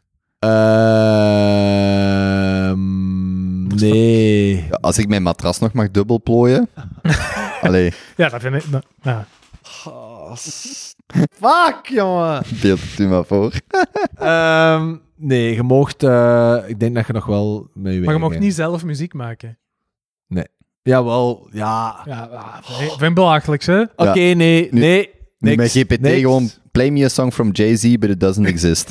Voilà. Nee, nee, dus Nee, voilà. Geen seks Ja. met Seks, uzelf, geen geen, muziek. ja, of gewoon high-level seks of muziek. Maar je mag nog wel kinderen maken, maar dan is het via IVF. Ja, ja. Dus ze worden ingeplant. Zeker kiezen geen muziek. Ik vind muziek ook wel heel... Muziek is een leuke extra, maar oh ja, ik luister wel wat muziek. Ja. hm, niet zo. Ah, Nee? ja, ik luister wel muziek, maar het is niet dat ik dat zou missen. Nee, ik zou ook voor geen muziek gaan. Ik vind het moeilijk. Ik vind het oprecht moeilijk. Maar Ik ga Alright. gewoon voor the sake of this discussion het andere pakken en ik ga gaan voor geen seks. alright. Maar ik weet niet of dat, dat echt geen I'll is. take that deal any day. Geen muziek is raar, man. Maar geen seks ook? Ja, inderdaad. Dat is Ja, misschien ja, vanaf een bepaalde leeftijd. Vraag me dan nog eens als ik 80 ben. Maar zelfs dan? Ja, geen seks is ook raar. Klopt. Jij zo de hoeveel uur enige... op een week luister je naar muziek en hoeveel uur per week zijn aan het poepen? Ja, spreek voor jezelf. Och, fuck. nee, Jan. Dat is niet waar. Nee, dat is niet waar. Je moet zo niet doen. Dat is niet waar. Ah, zo moeten we eindigen, hè. Ja, dat was- bro, hey, we hebben dat al veel dom. grote onderwerpen. We zijn van, van het artificiële naar het natuurlijke, naar het, het biologische. Iets financieel heeft er ook nog tussen financiële is gestreken. er tussen geweest. Dan komen is er een matras dus dubbel geplooid. Dat is mooi We geweest. moesten op een lichte... wel- een zitten we lichte op twee uur al? Nee, we zitten op eh, een uur 52. Dat is nog wel Alright. langer geweest. Ja. Volgende keer breng ik wel de microfoons en de Ja, dat is kabel toch mee. gezellig. Ik- hè? Ik merk het wel. Ja, dat is een beter. verschil. Dat is beter. Ik denk dat de, ik hoop dat de luisteraars het niet gaan merken. Maar eh bon, jongens, dan eh, We kunnen de opname ook weggooien, hè? klet, We hoeven hem niet te Nee. publiceren. het is 85, dan kletsen we hem hier af, denk ik. Het was leuk geweest. Nu doet jij nu om af te sluiten het geluidje van een potvis.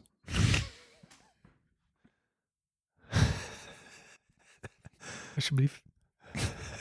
De klik. Het geklik of gewoon Het hoe dat door je toe Hoe, in hoe jij denkt dat Nemo. potvis... Het geklik. Toen jij dit boek al werd aan het lezen en in je eigen hoofd het geluidje Je maakte. moet dat doen. Ja, ik vind het wel. Hoe gaat dat, ja? De luisteraars wachten erop. Maar dan paard. duizend keer luider. ja, maar we doen het nog maar... Je kunt dat niet, hè? Dat geklik, dat gaat kei snel. Dat is heel snel naar elkaar. Doe eens. Dat gaat niet. Nee, dat is mijn beste. dat was mijn- Ja, en Finding Nemo is... Oeh, zo van een dier, maar... Ja. Dat is meer het gezang van een walvis, dat is niet het geklik van een walvis. We gaan de stilte voor zich laten spelen. Oké, en op dat hoogtepunt sluiten we hier af. Klik, klak, kloek. Het is gedaan. Ik moet een beat geven. Give me one. Junto Boys. Junto. Junto. Boys. Junto.